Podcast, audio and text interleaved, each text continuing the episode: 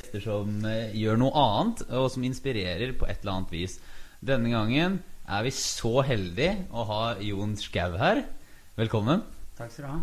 Det var Eh, sveis på den. Det var sånn østkantdreis på etternavnet. Skau. Skau. Ja, det var det, vi- det, var det Gjør det vondt å høre? Vil Nei, du nei, nei. Jeg Skau. kommer fra Groruddalen, så jeg var skaueren hele oppveksten. Å ja, men så ble du Skau. skau. Skau. Skau. Ja. Skau. Skau. Jeg var skau eh, ganske lenge, så det er helt i orden. Jeg er vant til det. Så bra. Så bra. Fantastisk. Skal vi se. Alle bildet og Skal vi se, nå er jeg høyere enn deg igjen, så da går jeg litt ned igjen. Så bra. Er alt det tekniske på plass? Nå Suksess. Jeg Vi har jo ikke møttes før. Eh, du møtte Eller ja, dere møtte hverandre i forrige uke. Så det er liksom Det er bra, da. Jeg, jo, jeg vet jo litt om deg allerede. Men Mm. eh, det kan jo være folk som hører på, som ikke vet hvem du er. Ja. Hvordan Fordi du var standup-komiker, og du er det fortsatt? Eller snakker du Ja, Nei, jeg syns ikke det er så spennende lenger. Nei? Liksom Å stå på en scene og snakke Og Bare. det eneste målet er at folk skal le. Ja.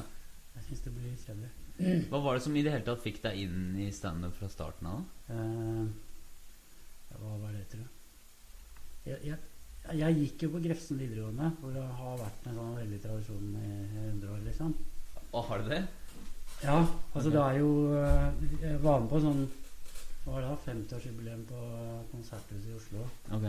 Og da delte jeg liksom en garderobe med Øyvind Blunk og, ah. ja. og ja, eh, Wenche Myhre var der, og han eh, Hva heter han? Eh, Geir Kvarme gikk der, og Jon Øigarden gikk jeg jo ganske samtidig med. Alex Rosén gikk to klasser under meg. Høres ut som en gæren gjeng. Ja, det var litt sånn. Helt crazy. Så Åsleik Engmark gikk jo i klassen min. Ok. Og han og jeg, vi gikk, vi gikk første klasse om igjen. begge Er det han som er eh, Timon, holdt jeg på å si? Ja. Ja. Timon, ja.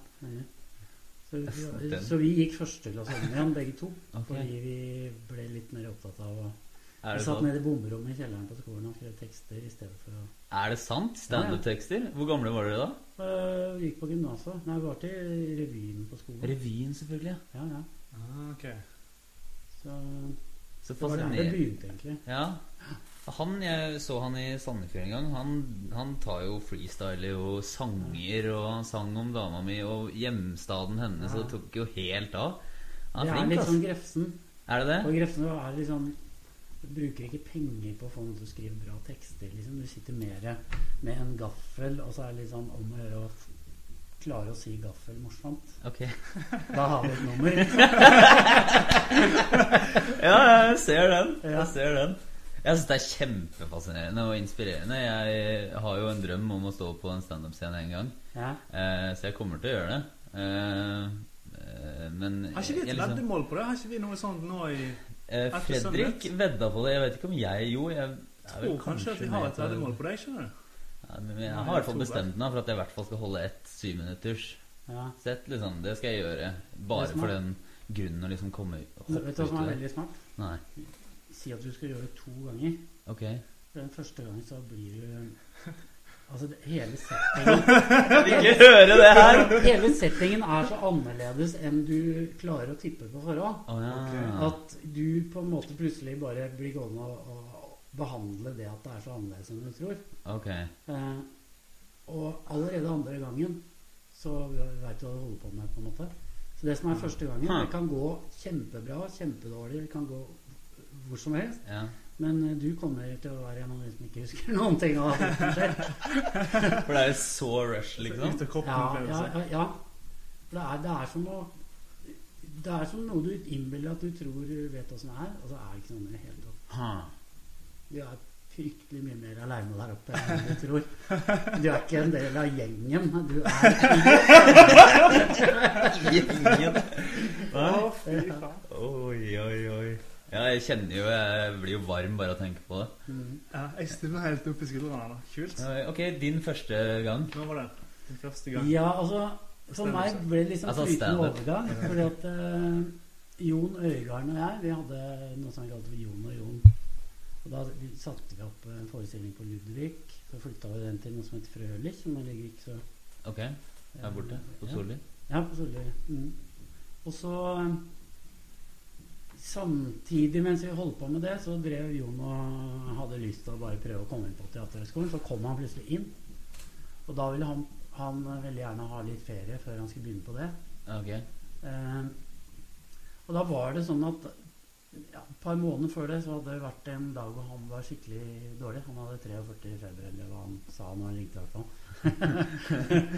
Men eh, Så da, da gikk jeg ut i salen og så sa jeg alle får igjen, alle får igjen billettpengene sine eh, når det går. Men jeg har veldig lyst til å gjøre forsøk på å gjøre forestillingen aleine. Wow. Wow. Eh, Men da gjorde jeg plutselig Det krever baller. Det er ja. Eller var det helt naturlig for deg? Nei, det var vel ikke det. Men det, det, det var et eller annet som syntes det var bare en ekstra spennende forestilling da, inni meg. Ja. Noe som var helt utafor? Altså noe Ja, det var jo det. Så du har Ja, ok. Så ja. gjorde jeg det. Ja. Eh, og da når han skulle begynne på Teaterhøgskolen, eller ha ferie rett og slett, da, så fortsatte jeg å spille den forestillingen på egen hånd. Så vips så hadde jeg Men var det en forestilling lagt opp til to? Ja. Et standup-show lagt opp til to, eller Nei, en det var slags en, revy? Det var en slags revy, egentlig. Sketsjgreie? Ja. Men vi var jo bare to, så det var alltid bare én på scenen. Ja, jeg måtte oh, ja. finne ut av Det var alltid bare én på litt scenen? lettere skift og, og sånn, da. Ja. Men eh, det, det fungerte overraskende bra. Wow. Jeg følte at forestillingen nesten satt litt bedre da, fordi da ble den Da ble det ikke så påfallende to stykker som aldri er sammen på scenen, når det er én som bare gjør alt. Ja. Det er litt Så mer he flyt, kanskje? hevet det nesten et hakk, altså. Følte jeg. Det ble mer noe folk aldri har sett før. Og så ga de igjen alle pengene? Ja, så, og så, så på en måte gikk jeg jo for å sette opp en forestilling Egen. alene igjen. Ja. Og da ble det Det ble jo ganske Texas, for det var forsiden på alle aviser og Var det det? Men hvordan var det Altså, hvordan slags, Hvor var det du på en måte fant publikummet fra starten av sammen med han kompisen din? Hvor var det publikum kom fra? Var det bare miljøet? Det, liksom, Ja, det var jo et veldig sånn levende miljø. Du hadde jo ikke. Facebook da, liksom. Som er vår markedsførings... Eller blogger, liksom. Hvordan fikk dere ordet ut? På, på Ludvig, eh, Ja. det er vel John D nå, Ja. der var det et veldig sånn Litt sånn eh, Norges svar på off-Broadway-miljø. Ok. Eh, du hadde noe som het Lattergalen, Dameteater og Sønn, som var noen av de samme folka. Så var det Lompelandslaget. Eh, Lompelandslaget. ja, så var det en del av Lompelandslaget som plutselig da begynte å jobbe sammen med eh, De kalte seg, og det er, de er noe jeg ikke liker at jeg sier nesten, men de kalte seg for Risikompaniet. Det var Linn Skåber og Atle Antonsen. Eh, uh, så det, det var liksom en sånn en, en klikk da, som, som egentlig alltid satte opp forestillinger. Enten det var Mm. Lompelandslaget, eller så var det og sånn. Eller, Og alle kjente hverandre? ja, altså det ble liksom en, eh, en sånn egen sjanger som det ble publikum som, som gikk alltid og så på de forestillingene. Ok, ja, Som skjønner. var litt sånn rare og litt annerledes. Ja. Ja. Så det ble et miljø, så når, du, når dere da satte opp den, så kom alle de som var fan av eh, hvem den måtte være i, i det miljøet, og da så Ja. de på dere. Altså hvis forestillingen, hvis forestillingen var bra, så spredde det seg til alle de. på en Ja. måte. Ja. Og så, så når du satte opp BG, så spredde det seg i alle mediene og sånn, sa du? Ja, for det ble jo altså Forskjellen VG, VG eller Dagbladet Altså Det var jo på alle forsidene. VG, Dagbladet, Aftenposten, overalt. Og sensasjonen var at eh, det står én mann på scenen og gjør en forestilling helt alene. Hæ? Ja, det var en sensasjon. Er det sant? Det var det som var oppslaget. Når var det her? Og så bladde du om, og så sto det Og han klarer det, søren meg, eller et eller annet. da. Ja. Men når var det her? Det var vel eh, 91, tenker jeg. 90. Ja, 91. Mm. Og da var det, da var det ikke noe standup-miljø i Norge i det hele tatt? da, eller? Nei. Siden Ok. Så da når jeg spilte på Frølich, Ja. så kom Eddie Eidsvåg. Han kom og så på en forestilling, for han ville gjerne dra i gang noe standup-opplegg Ja. nede på Aker Brygge. ja. Så jeg ble med ned etter en forestilling og bare dro et par numre fra det jeg holdt på med. mm, Ja. Og da var det helt i sin spede begynnelse. Det var omtrent som om vi skulle finne på at nå skulle vi være gøyale for hverandre her nå. Ja. Det var ikke noe publikum. Det var liksom en gjeng med folk som opptrådte for hverandre. Wow. Og det var ganske gøy å være med på. For det ble jo faktisk en TV-serie etter hvert på NRK. Så det var vel egentlig da det ble uh, Den het uh, Grip ordet-komiker. Gri, Grip ordet-komiker. grip ordet-komiker, ja. Ja. Og så ble det en sånn en litt sånn salig blanding i begynnelsen, da, ikke sant? hvor Jon Øigarden, som egentlig aldri har vært noen standup-komiker, men han drev jo med humor på den tiden. Så vi dro på turné. Det var meg, og så var det Jon Øigarden, og så var det Thomas Giertsen og Jonas Rønning. Eh, Tidlig 90-tallet. ja, det, det var nok den første turneen, tror jeg. Det, det, bare for å beskrive åssen det var. Ja. Jeg husker, husker en- vi var i Skien, og så skulle Jon opp og gjøre et eller annet på scenen først. Så står han og snakker, da. ja. Og så jeg tipper det er ti-tolv stykker der bare. Og og så er det en som snur seg og spør om skal de begynne å spille snart, eller? Spille? De skal ikke spille. Hva skal du bare stå der og skravle, da? eh, ja. Nei, det gidder ikke vi, altså. Så gikk det. Er det sant? Ja. Wow. Så det var altså så ukjent eh, for publikum i Norge. Wow! Det er utrolig fascinerende å høre hvor, eh, hvor gjennomgående de folka vi har her, vi snakker med, er folk som liksom på en eller annen måte har kasta seg i noe som er så usikkert. Ja. Som er så usikkert at liksom du, du bare Det er ingen måte å vite hvordan det her kan gå. Og så noen ganger så går det jo ikke hjem i det hele tatt. Jeg sta, eh, en venn av meg som nå er eh, en av, om ikke den mest brukte hypnotisøren i Norge Mhm. Jeg arrangerte, eller meg og han da arrangerte hans aller første hypnoseshow i jeg husker ikke, 2001, 2, 3 en eller annen gang. Eh, 35 kroner. Vi laminerte kosta det showet. Eh, vi laminerte små billetter. Jeg gikk rundt på skolen og høsla. Ikke sant? Ja. Fikk opp 90 stykker, og det er kjempemye. Mye mer enn vi hadde håpa på, den- på det showet.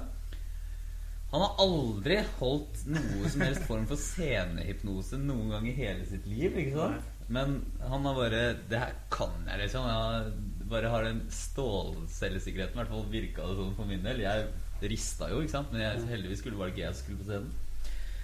Eh, og så er det opp eh, Og så hadde jeg kommet på en eh, morsom idé, da. Og jeg, hadde kommet Det var så morsomt. Jeg hadde kommet på en idé om at liksom når de er under hypnose, så gir vi, dem de en dildo, og så kan de late som det er en is. Ikke en god idé. Det er ikke en god idé. Fordi hypnose funker ikke på den måten at du bare blekker ut, og så gjør du hva som helst. Det er ikke sånn det fungerer. ikke sant? Nei. Så jeg hadde overtalt Henry til, Jeg hadde overtalt Henry til å ta med det.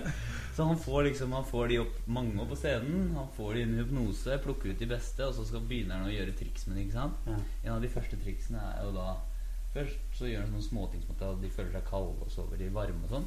Og så tar han opp den, eh, de dildoene han deler ut, og sier at det her er, det er kjempevarmt, du må ha iskrem. Og da var det, ikke sant da, da, Fordi det er en sperre, ikke sant? Folk vil ikke gjøre det som ikke de ville gjort til vanlig. Ja. Selv om de er under hypnose. Det er ikke noe hokus pokus. Det er bare noe Det er bare eh, en slags Det er et slags press Og de får lyst til å gjøre det på en måte Det er en blanding av mange ting da. Men de kan i hvert fall ikke gjøre Noe som ikke de etisk ville gjort fra før av. Så derfor ødela jo det hele showet. Så da ble det bare sånn at 20, Først brukte han Han bruker jo en halvtime på å få det inn. Så bruker han 20 minutter på Å liksom gjøre det sterkere og sterkere Og så boom Så funka det ikke lenger. Så man slår på lyset Alle går ut og tar seg en røykepause. Får vi håpe på at de blir med en gang til da. Så tar de med inn igjen Hele crowden Hører om det er flere som vil på scenen Og så prøve igjen Og da gikk det. Da gikk det veldig bra så jeg vet ikke om det var en sånn psykologisk greie at liksom kanskje alle i rommet ville at det skulle gå bra, eller fordi det, det var så pain, det var så pain å sitte og se på. Ja. Men det også er jo noe av det du snakker om, at uh, bare kaste seg i det og gjøre sånn som dere gjorde. Det er ikke noe marked for det. liksom Det er jo veldig veldig lett å ta noe andre har gjort som fungerer, og så og så kanskje gjenta den suksessen, men å gjøre noe så radikalt som dere gjorde. Det var jo, dere har jo bygd opp et helt miljø, ikke bare i Oslo, men i hele Norge. Altså, det hører med til historien at eh, eh, det, det er nok begynnelsen på standup i Norge, men, men sånn som uh, Primavera, Falk Mathisen Herodes Fall skal jo egentlig alltid gjort standup, Mm. men inni en forestilling. Ja. Uh, så egentlig er det litt rart at folk er så, så uvant med det formatet. Mm. Eh, så, så det var vel egentlig Herodes Fall som var den første. Mm. Eh, men, men det var Hva skal jeg si? Det var som, en, det var som å ha plutselig en standup-komiker midt, midt inni Monty Python. Ja. Det er fremdeles Monty Python. Liksom, det er ikke st- st- standup Ja. bare. Ja. Så derfor så tror jeg det ble veldig nytt når vi kom. da Det er jo Men det er veldig det du sier det der med å Altså For meg er det veldig viktig. Det er kanskje grunnen til at jeg ikke gjør så mye sånn ren humorgreier lenger. At det er et eller annet med å Steve Jobs sa det eh, ganske bra. Jeg- jeg- jeg- Det er ikke Steve Jobs sitt, som sa det i utgangspunktet, men Han han siterte noen. For han sa at det er egentlig ganske enkelt. Enten så eh, Ja. Nei, enten så blir du født litt hver dag, eller så dør du litt hver dag. Det er ikke noe mellomting. Ja. Det er et eller annet med å finne opp seg selv litt på nytt hver eneste dag. mm. Eh, som jeg har funnet ut jeg er nødt til at jeg er liksom avhengig av. Så standup ble, ble ikke så ble ikke så eh, levende lenger, da? Når du har holdt på så lenge? Eller det ble ikke så Nei, jeg holdt det på, jeg holdt det på i 21 år, da. Oi. Ja. Eh, og det som, er, det som er litt sånn komisk uh, Fordi det er vel, jeg har vel sett fire generasjoner komikere da, Mm. etter meg. Ja. Uh, og første gangen jeg så, så ble jeg litt sånn forbausa over jøss. Eh, dette her Altså de, Det er omtrent de samme vitsene som går igjen, egentlig. Ja. Folk tror at de gjør noe som ingen har gjort før. Og, så, og, så, og når du begynner å se det for fjerde gang Mm. Er det det, altså? ja, men, altså, Alle har litt sin egen stil, på en måte. Ja. Mm. Men, men det er innmari mange ting som, som går igjen. Altså, det er nesten hver eneste generasjon så er det sånn Å ja, ja, nå er det noen som skal gjøre den boyband-greia. Og så nå er det noen Ja, som skal okay. gjøre den greia. Så er det noen som skal ehm, mm, Men det Huh. Hva skal jeg si? Ja, det er det, Norge er jo ikke et land hvor det foregår så innmari mye. Så det er ikke så veldig mye å ta av, på en måte. Nei. Du kan uh, gjøre sånn som Dag Sørås f.eks. Å være innføre noe helt annet enn det som har vært der før. Det går an. Ja. Uh, men det er ikke så veldig mange som gjør det. Nei. Ja, for han er veldig det, han, det er han som snakker om politikk og sånn hele tida, er det ikke det? Jo. Ja. Så han er liksom veldig Han er eh, en slags Hva er han er? En slags sinna image, eller sånn eh, Ikke sinna, men sånn derre eh, han er liksom, han, ja, Det gjør kanskje de fleste, å drikke på scenen og sånn. Men hva er det som liksom skiller han ut, da? At det er det, han snakker om? Det er vel det du sier, at han er litt um, Politisk orientert? Ja, altså, altså han, han Han er har sterke meninger, i hvert fall. ja, er Han er jo en type komiker som har funnes i England og USA og sånn Ja. lenge. Ja. Eh, Det, det, I Sverige er de også vant til I Norge er vi ikke helt vant til det ennå. Han er Eh, for at det, er akkurat som folk glemmer bort når det står en fyr og, og, og mener noe og er ganske kraftig på scenen. Ja. Så, så er det fremdeles sånn at innimellom så glemmer norsk publikum bort at det er, det er på tull. Det er, det kalles komedie, liksom. Det er det som står på plakaten. Så det hender folk Det sant, tar det helt ja. seriøst og skal begynne Ja. å diskutere og sånn. Ja, det er faktisk Det, det du sier der, har jeg lagt merke til. Jeg har vært på en dag en eller to ganger på, på, eh, på Grønland der nede. Hva heter det? Dattera? Jeg tror det. Er. Og da Altså når han snakker Jeg husker han snakka med noen eh, på en av de første radene og sa et eller annet om at VG eller Dagbladet var noe eh, horeri eller noe sånt. Og hun jobba der, da, eller noe sånt noe. Ja. Og, og tok det veldig seriøst. Og halve, halve salen tok det like seriøst, liksom. Men Ja. det er noe som Er det noe som du merker går igjen? At eh, Kan du liksom spøke med alt? Ta folk det liksom som en spøk? Eller, eller må du sensurere deg? Kan du ikke være Kan du ikke, kan du ikke kødde med alt? Syns ikke Norge det er greit at du kan tulle med alt? Selv om det bare er jeg spøk? tror, jeg tror Norge er, nest, er ganske langt i den andre enden av skalaen. Okay. At Norge har en fryktelig lang liste over ting du ikke skal tulle med. Har de det, ja? Ja. Jeg husker for mange år siden, sikkert 15 år siden, så var jeg i, i uh, Molde. Mhm. Og opplevde noe som var veldig merkelig. fordi de første tre-fire minutter så var det helt stille i salen, og alle satt sånn. Så på hverandre. Og, Å, nei. og, akkurat, og, og så plutselig begynte alle å le samtidig. Så det var liksom, Hva som skjedde her nå? Så skjønte jeg plutselig at de måtte bli enige om at det var greit å le Ah. først. Ja. Og så er det litt sånn at eh, Jeg husker jeg tenkte da altså Jeg sa jo det i intervjuet i avisen der oppe, og det ble masse styr, selvfølgelig. Halve byen var utrolig uenig, og den andre halvdelen av byen var helt enig. Det var da en litt fruktbar diskusjon. Ja, ja. Dunk, dunk, dunk.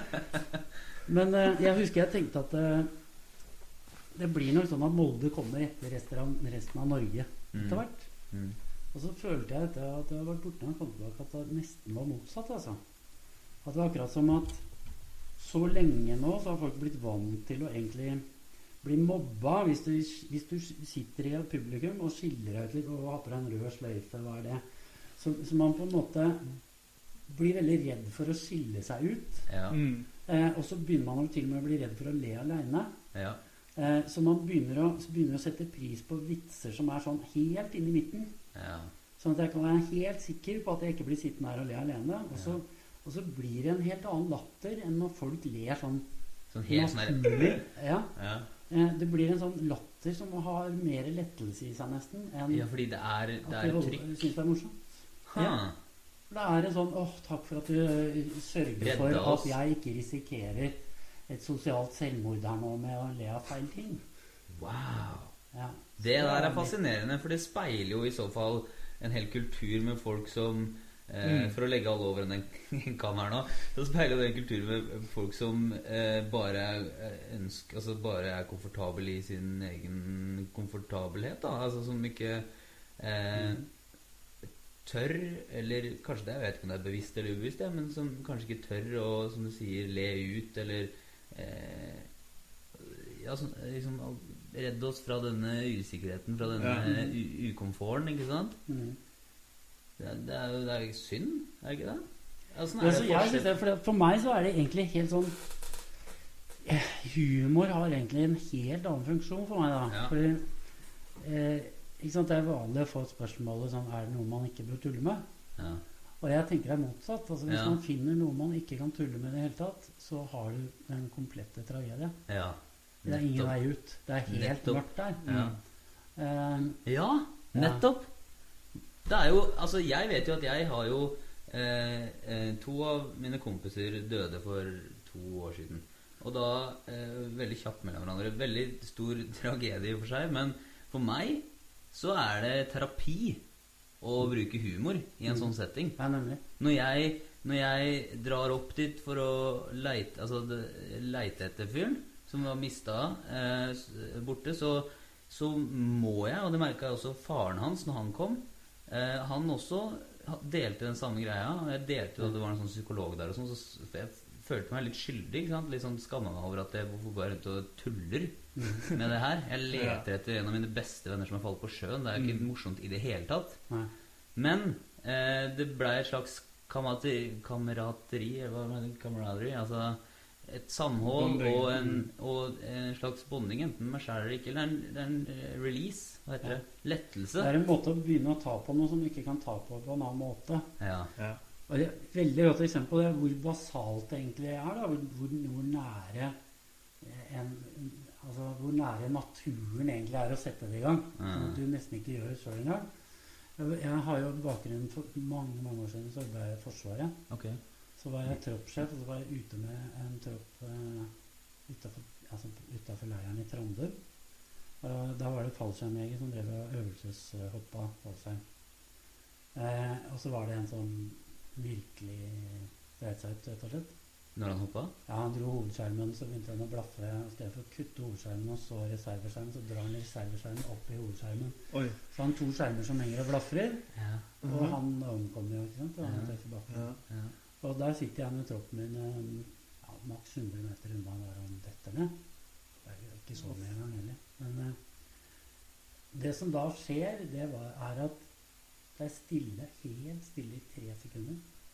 Og så hysterisk krampelatter. Altså, vi ler, altså vi ser på hverandre. Og vi ser, ser øynene, en sånn fortvilelse over at alle skulle ønske de ikke hadde ledd nå, for de føler Ja. at det er helt feil å le. ja. Men vi klarer ikke. Hm. Og jeg hadde så utrolig dårlig samvittighet. Jeg sitter der og ler, og så tenker jeg at jeg er sjefen her, jeg må i hvert fall sørge for at de ikke ler. ja. Eh, og det var akkurat som jeg fant ut at Wow.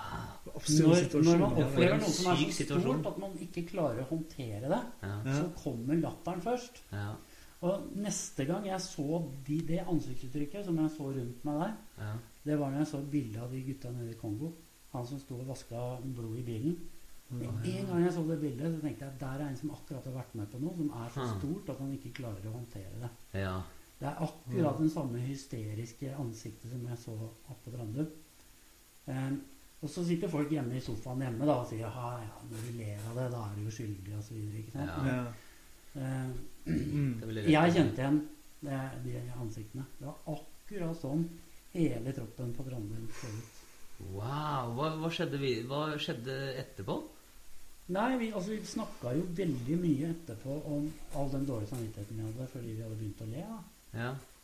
Eh, men øh, jeg vet ikke om det var det du lurte på? det ja, jeg bare lurte på Jeg kan se for meg at dere sitter her, og så Ja. bryter du ut i latter, og så Og så etterpå. Og så, og så Ja, så- liksom. Det er jo helt absurd. da. Vi, vi sitter der ute og vi driver og graver sånne stillinger. Plutselig. Ja. Så har vi pause, så da kommer sånn kakao, og så sitter vi alle og har tatt opp matpakka, og så sitter jeg og sitter og ser på det som hopper, da. Så jeg har liksom kommet så langt ned i kakaokoppen. Og så plutselig blir det hva skal jeg si, litt mer eh, annerledes underholdning enn vi hadde tenkt. Altså. Ja. Ja, så det, det, det var bare hele situasjonen som var så absurd. ja. Du Her sitter vi og drikker kakao, liksom sånn altså, bare line-up sånn, sånn Ja. i amfi, ikke sant? Oppe på en liten da. Men Det var helt forferdelig. Det var det jo en absurd situasjon å havne i. Jeg var så redd for at noen skulle komme og se oss. Herregud, ja. Ja, sant. Det hadde sett forferdelig ut, men, sam- samtidig så er det at skal du, altså, skal du ha dårlig samvittighet for det, sett at det er en naturlig reaksjon og en måte å håndtere noe på, Ja. er det da noe å skamme seg over, liksom? Du skjønner hva jeg mener? ja, ja. Men det, er- jeg, jeg tror det sier litt om eh, begge deler, som det var Mm. inne på her. Altså Det ene er den derre å ikke gjøre feil. Ja. Og den andre er det som er naturlig, som bare kommer. Ja. Jeg husker også, jeg, jeg hadde en alder av 30 år, så var jeg plutselig eldst i min familie. Jeg mista Oi. fire besteforeldre og moren og faren min i løpet av utrolig kort tid.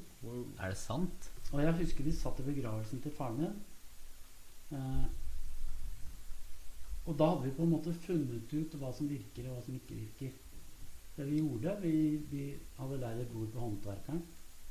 Så dro vi dit hele familien. Så satt vi der og drakk øl, de som ville det. Og, og fortalte alle historier vi kom på etter faren min. Og vi gråt, og vi lo, og alt mulig. For det var det vi hadde funnet ut dagen etter så mange begravelser etter hverandre. At det er, det, er, Det. det er det som setter i gang. Det å kunne sitte og ikke le av pappa, men le av Med det, alle historiene. Og Ja. også alle historiene Ja. vi Ikke sant? Jeg hadde faktisk noe av samme opplevelsen sjøl. Med de to eh, veldig gode venner av meg, og så en sånn slags fillebestemor, på en måte, litt senere. Og da var det en god opplevelse. Nå døde jo alderdom, da, så det er kanskje litt lettere å håndtere, men allikevel Det var den derre etterfesten, eller hva jeg skal kalle det, etter eh, begravelsen. Mm. Og sånn, det var en veldig, veldig god opplevelse fordi eh, jeg klarte å være takknemlig og le, le av historier og hvordan de var og sånn. Og sånn altså, Det har også vært viktig med min håndtering med de gutta også. At jeg liksom tenker på hva var det vi ga. Ja. Hva var det vi fikk? Hva var det vi delte sammen? Hva var det Mm. eh, hva, hva, hva godt kan man ta ut av det? Hvordan kan man bruke det? Ikke sant? Hvordan kan man bruke den situasjonen her? Eh, ok, er det en dårlig situasjon, så, så er det en dårlig situasjon. Eh, det, er en, det er fortsatt bare en hendelse, på en måte. Hvordan kan man bruke det til sin fordel eller til å bidra til de rundt. da For når sånne ting skjer, så Det som i, i det minste skjer, er jo at det, kom, det, det skapes et, et stort samhold rundt Ja. Husker du liksom Ja, ja, ja. Mats der sånn, at det ble et sånn stort samhold rundt det. da Alle stoppa opp. Alle stoppa med sitt. Mm. Tok vare på hverandre. Eh, altså Så mye fint som egentlig kommer ut av det. Eh, Mm. det er, sånn Det gjør det, hvis man, hvis man tør å gå inn i det. ja. Hvis mm. man ikke skal gjøre det riktig i stedet for å Nei, altså det, Ikke sant? Kan jeg være den første til å le her, da? Kan jeg være den første til å si Ja. noe her? Hva sier man? Og så blir det en sånn derre Alle stiller seg opp i kø og kondolerer, og så hva Unnskyld uttrykket, men hva faen er det for noe? Mm, ja, sant. Eh, Kondolerer, kondolerer, kondolerer. Det er bare en måte å si at jeg, jeg aner ikke hva som er riktig oppførsel La her. oss følge Det protokoll. er Ja. sånn jeg oppfør- opplevde det etter hvert. da ja. At nå kommer kondolerergjengen igjen, og så de som blir igjen til slutt, er de som kan være med på det. Ja. Det er en evne, da. Jeg, det er en, jeg tror det er en evne å kunne klare å være i det også. Det er sikkert skummelt for folk, da. Mm. Altså, det, det, jeg veit at jeg syns det var skummelt, i hvert fall. Veit jo ikke hvordan i helvete man skal reagere på det her. Og så etter hvert så lærer man at kanskje man skal, man skal kanskje ikke reagere på en spesiell måte, men man kan heller bare reagere sånn som man gjør. Eller man bare på en måte reagerer. Det, er jo, det, som, det som er veldig rart, da, det er jo at med en gang Og dette er jo noe jeg er veldig opptatt av nå. Mm, Altså Det er så mange deler av livet som de prøver å ikke røre ved. Som de derfor gjør til en eller annen slags teori om et eller annet. Eh, og så vokser den teorien, og teorien til slutt trenger ikke å ha noen ting med livet å gjøre i det hele tatt, så lenge den bare får linjær. Han baller på seg, baller på seg. Og så blir det en sånn greie som vi er så livredd for. Okay. At vi ikke lenger klarer å være naturlig i møte med det. Mm. Ikke sant? Altså, hvis, hvis vi hadde klart å overbevise oss selv om at fødsel er noe utrolig unaturlig, Mm. eh, så kanskje vi hadde blitt like redde for det. Og nei, det er noe man ikke skal snakke om. Og det er noe, Ja. Hva jeg mener? Ja.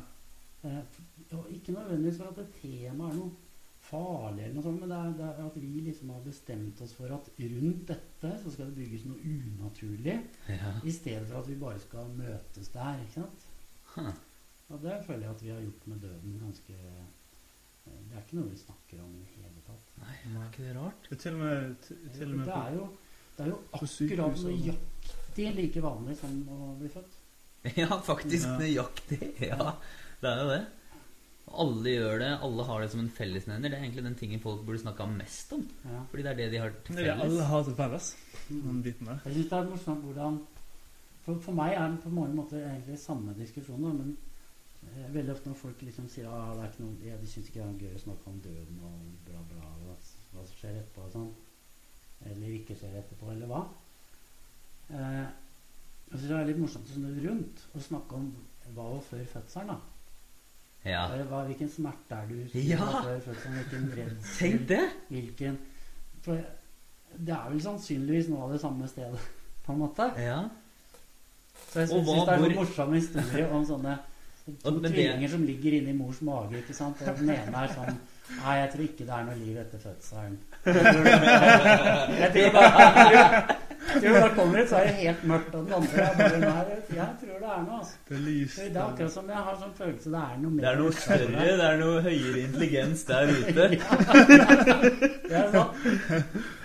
Ja, du sier det. Altså, et, et rart altså For oss også å tenke på en måte hva var før fødselen, det også freaker Det liksom sprenger hjernen. Mm. Hvor i helvete kom liksom Ja. eh, den, den uh, sjela, eller, eller på en måte det som definerer deg, på en måte. Når, hvor, når kom det?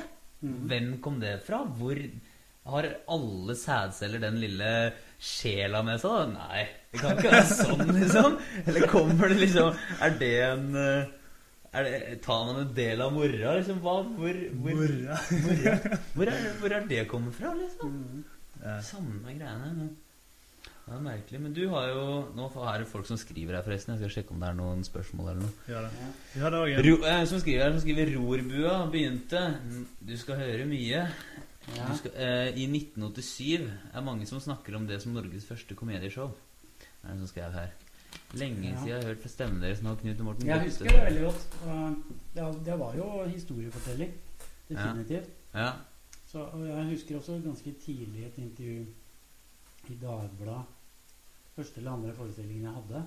ganske tidlig på 90-tallet hvor jeg sa at, at uh, Rorbua er kanskje det TV-program som minner mest om det jeg holder på med. Ja, Som fordi det er vi forteller historier og vitser på en måte. Ja.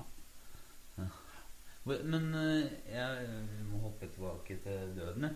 Fordi du har jo dødd. Har du ikke det? Jo. Ja, Det må du jo fortelle om. Du har sikkert fortalt det 10 Det 000 er det, ganger. det er det jeg lurer litt på om ikke du har gjort altså før du var født, liksom. Ja, ja, ja. Eh, men det som er spesielt Som for Huh. mitt vedkommende har funnet ut, da, det er jo at jeg husker noe av det. liksom. ja. Nå er gosser jeg meg. Nå setter jeg meg ned i godkroken. Nå er jeg så spent. vi klar. Ja. ja, nei, det Jeg fortalte jo ikke noe om det her sist gang du så Når du var og så på. Nei. Eh, men det er jo en historie som Altså i full lengde Jeg har prøvd det en gang med en journalist som ville Jeg vil høre alt. Jeg tror han angra skikkelig på det etterpå, fordi Ja. det opptaket tok 43 timer. Ja, men vi har Eh. 43 timer, vi. Ja. Nei, men jeg Er det sant? ja, men jeg, klarer, jeg klarer på en måte liksom å fortelle det på 20 minutter. da Ja. Eh, En veldig sånn kortversjon. ja. Og jeg er veldig opptatt av at eh, jeg, jeg vil ikke fortelle små biter av det. Ok. For at hele poenget det er at det er en progresjon her som er ganske vesentlig. Ja. Og så F.eks. i Nederland så finnes det en en professor som har forska på sånne nærdøden-greier. Som, som uh, han, han i hvert fall lurer på om ikke min historie er den mest detaljerte og mest komplette nær-døden-historien da, noen gang. Uh, og det som, det som han tenkte var så fantastisk med det, det var at det var mulig Han hadde hørt alle elementene før, men han hadde aldri sett rekkefølgen og sett, sett på en måte progresjonen i det, og dermed sett gangen i det. Ok. Eh, så derfor er det vesentlig for meg å fortelle hele. Ja. Ja. Eh, ja, da det jeg snus på bordet. Nice. Ja. Det er ikke, ikke Shit's about to get real. Ja. Nei, nei, altså Jeg for, ja, altså for det første må jeg si bare én ting, og det er at eh, Eller jeg kan si etterpå. Jeg kan begynne med eh, Det var i 2004. Jeg var i Bodø. Det var den 3. mars 2004. Jeg hadde forestilling. Eh, så kom jeg hjem på hotellrommet om natta og har noe helt sinnssyke smerter i magen. Altså ak akkurat oppunder ribbeina her. Ok. Eh, det er hold? der, ja, men bare at det holdet det er liksom vokst som om det har est ut og bare blitt av syre, liksom. Sånn, mm. I løpet av forestillingen? Intense smerter. Nei, det begynte sånn en time etterpå, tenker jeg. Okay. Okay. Eh, og jeg var ute og drakk og tjoa her, da. Jeg satt og drakk masse sånne Jeg kommer ikke på farten hva det er, men sånne veldig sterke noen, Fernet. sånne shots. Ja. Men i hvert fall så Når jeg kom på hotellrommet, så lå jeg hele natta, for jeg hadde så intense smerter at jeg lå Jeg lå i fosterstilling. Eh, og så tok jeg dyna og rulla sammen til en ball og lå og klemte inntil meg. Og så lå jeg og pusta sånn hele natta. Oi, Så det var så intense smerter at du kan ikke tenke deg. I norsk sånn legeleksikon så er det den eneste betennelse i bukspyttkjertelen det det. Det er det eneste hvor det står at det er ekstreme smerter. Det står ikke om noe annet. Wow. Så, Ikke om, ja, ikke om fødsel? Ah, okay. det står ikke om fødsel engang, men Nei. eh, det er vel ikke nødvendig å nevne Nei, nei. fødsel, tenker jeg. Nei. Men i hvert fall så, så er- var det så intenst. Uh, Ja. Så når jeg, han kommer og henter meg om morgenen for å kjøre meg til fullplassen, så arrangøren da, så sa jeg at eh, du må kjøre meg på sykehuset. Og så kjørte han meg på Nordland sykehus.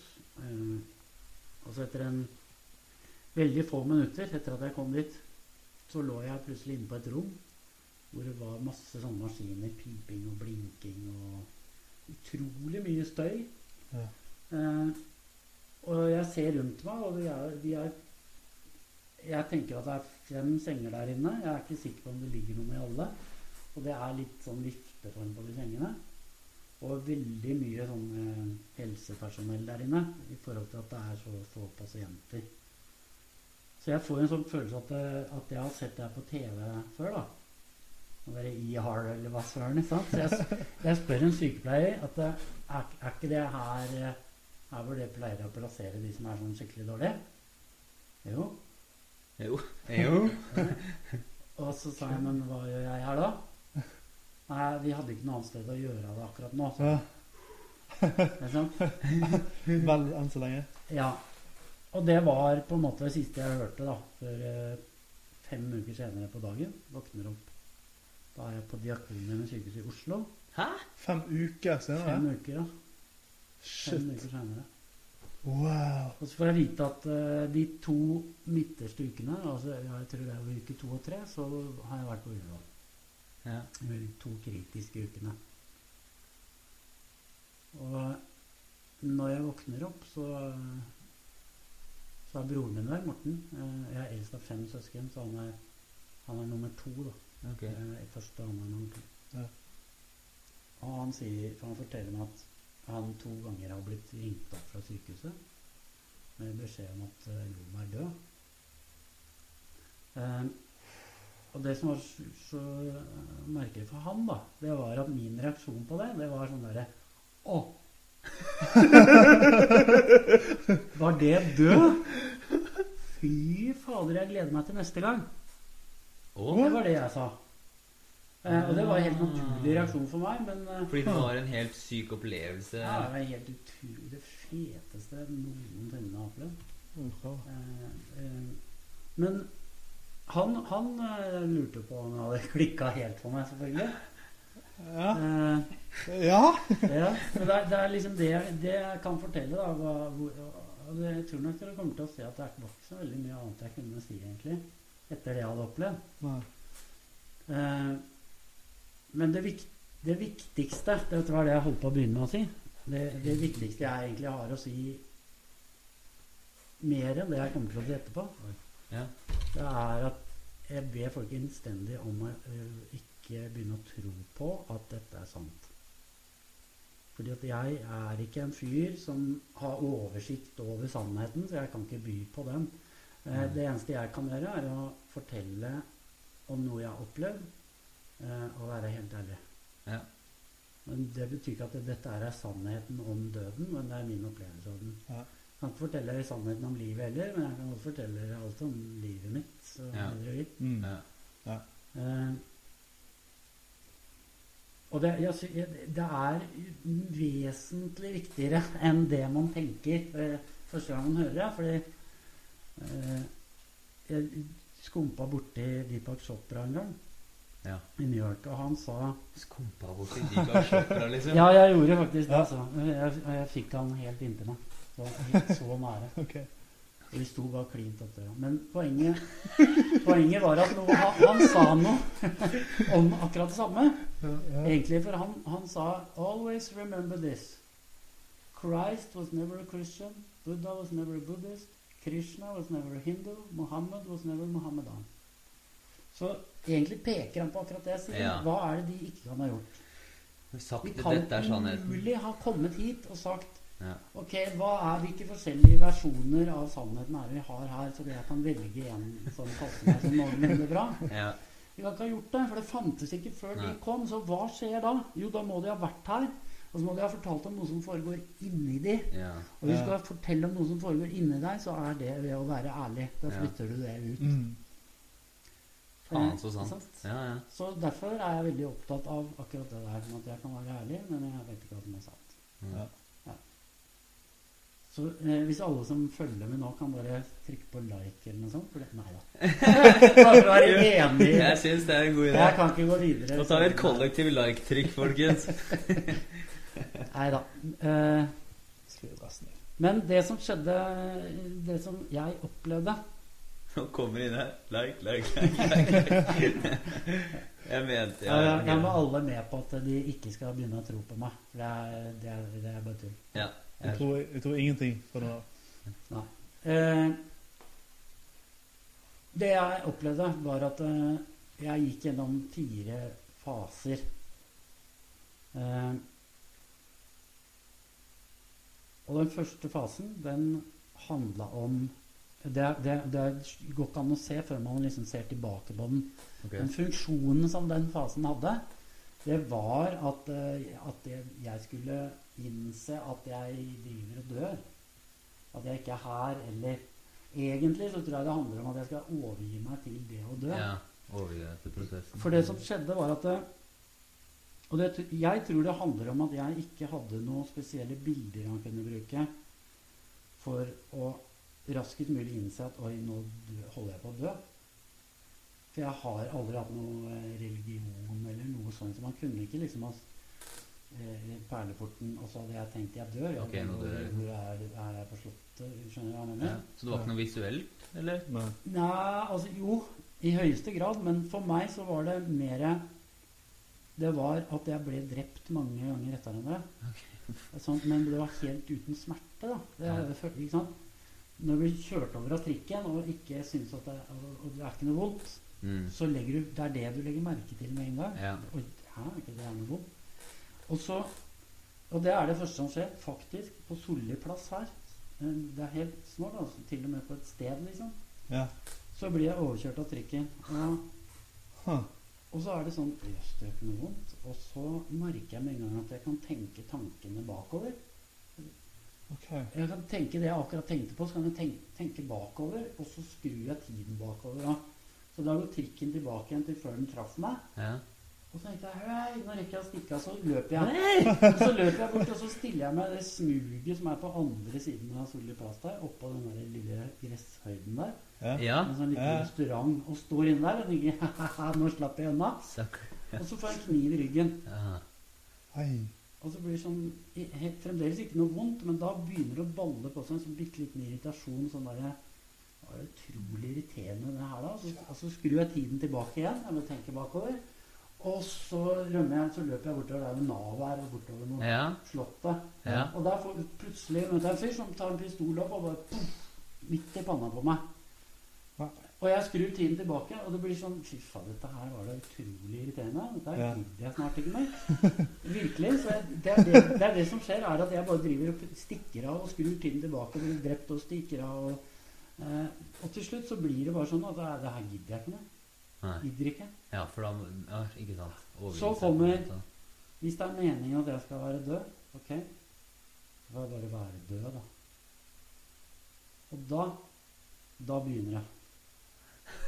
Da begynner jeg. For da er på en måte Da er alt, alt det derre fysiske Alt, ikke sant? Ja. Solli plass, også alt vi forbinder med alt det fysiske rundt oss, Ja. det fins ikke mer. Det, det, er, det, ja, det er bare borte. Ja. Bare svært, åpent void, som det heter på engelsk.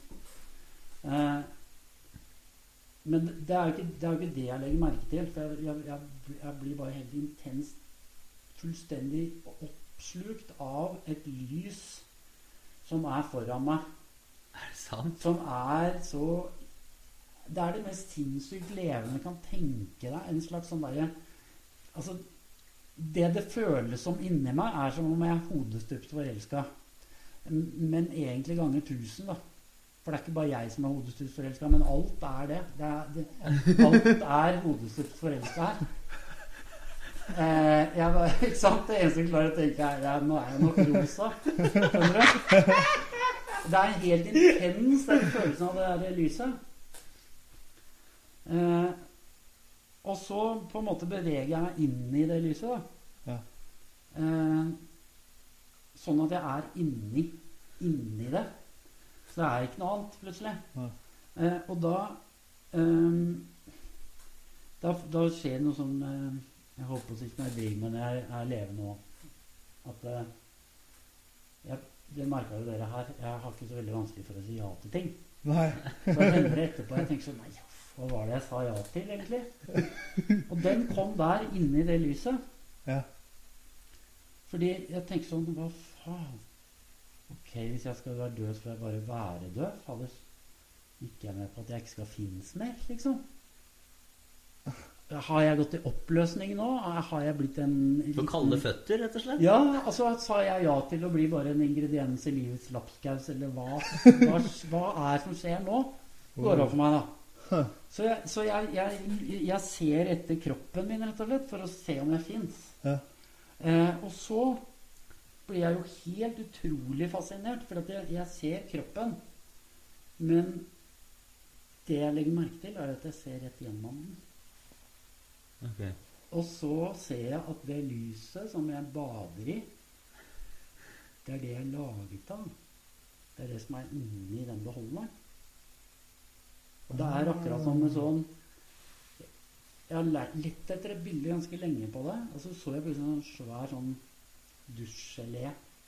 Gjennomsiktig, med sånne små luftbobler i. Ja. Hvis du tenker at det, det lyset her, det er jo ikke sånn som en lampe. ikke sant? For en lampe er jo bare lyskilden. Ja. Jeg snakker om selve lyset. Hvis du kunne se Ja. lysstrålene. Eh, så det er ikke noen lampe i midten. Det er bare, det er bare det. Så lyset er på en måte et stoff, da. Mm. Og, og det stoffet, det det, det det minner meg om, var det derre dusjgelé. Okay. Du tenker deg de små boblene er erstatta med sånne lyspartikler som gjør at hele geleen lyser. Okay. Og når jeg rører på beholderen, eller hånda gjennomsiktige beholderen her, så rører jeg ikke på innholdet. Altså boblene eller lyspartiklene står stille. Så jeg skifter ut innholdet inni hånda ved å bevege den. Hm. Skjønner Ja, jeg skjønner. Ja, jeg skjønner. Så du forandrer deg når du Ja. Fletter på Innholdet står helt stille, Ja. og denne formen, akkurat som den beveger seg inni det innholdet uten å bevege innholdet. ja. Ok. Eh, så jeg, når jeg liksom oppdager at jeg er, jeg er på en måte lagd av det lyset her, så legger jeg plutselig merke til at det er jo utrolig mye mer sånn lys her. Hva, hva er det for noe? Og så ser jeg rundt meg, og så ser jeg Å ja! Så klart! Det er jo alle de andre òg. Alle de andre. Ja, altså når jeg er lagd av det lyset, så er jo alle andre det òg. Ja.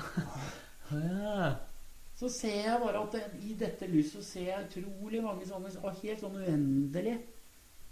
Eh, sant? Og det som er så genialt, er at nærmest nå Ja. så er liksom Siden akkurat nå da, så er det denne lille biten her av lyset som liksom står i midten. Ja. Så har lyset sortert seg sånn at de bitene av lyset som jeg kjenner best, de står nærmest. Så ja. der ser jeg liksom farmor, farfar, mormor, morfar, moren min, faren min. Og så kommer en kjempestor overraskelse. Morten, broren min. Broren din, ja. For han var jo fortsatt Ja, så. Som ble til sånn for hva han er, da. Han er jo ikke død. Han er jo Nei.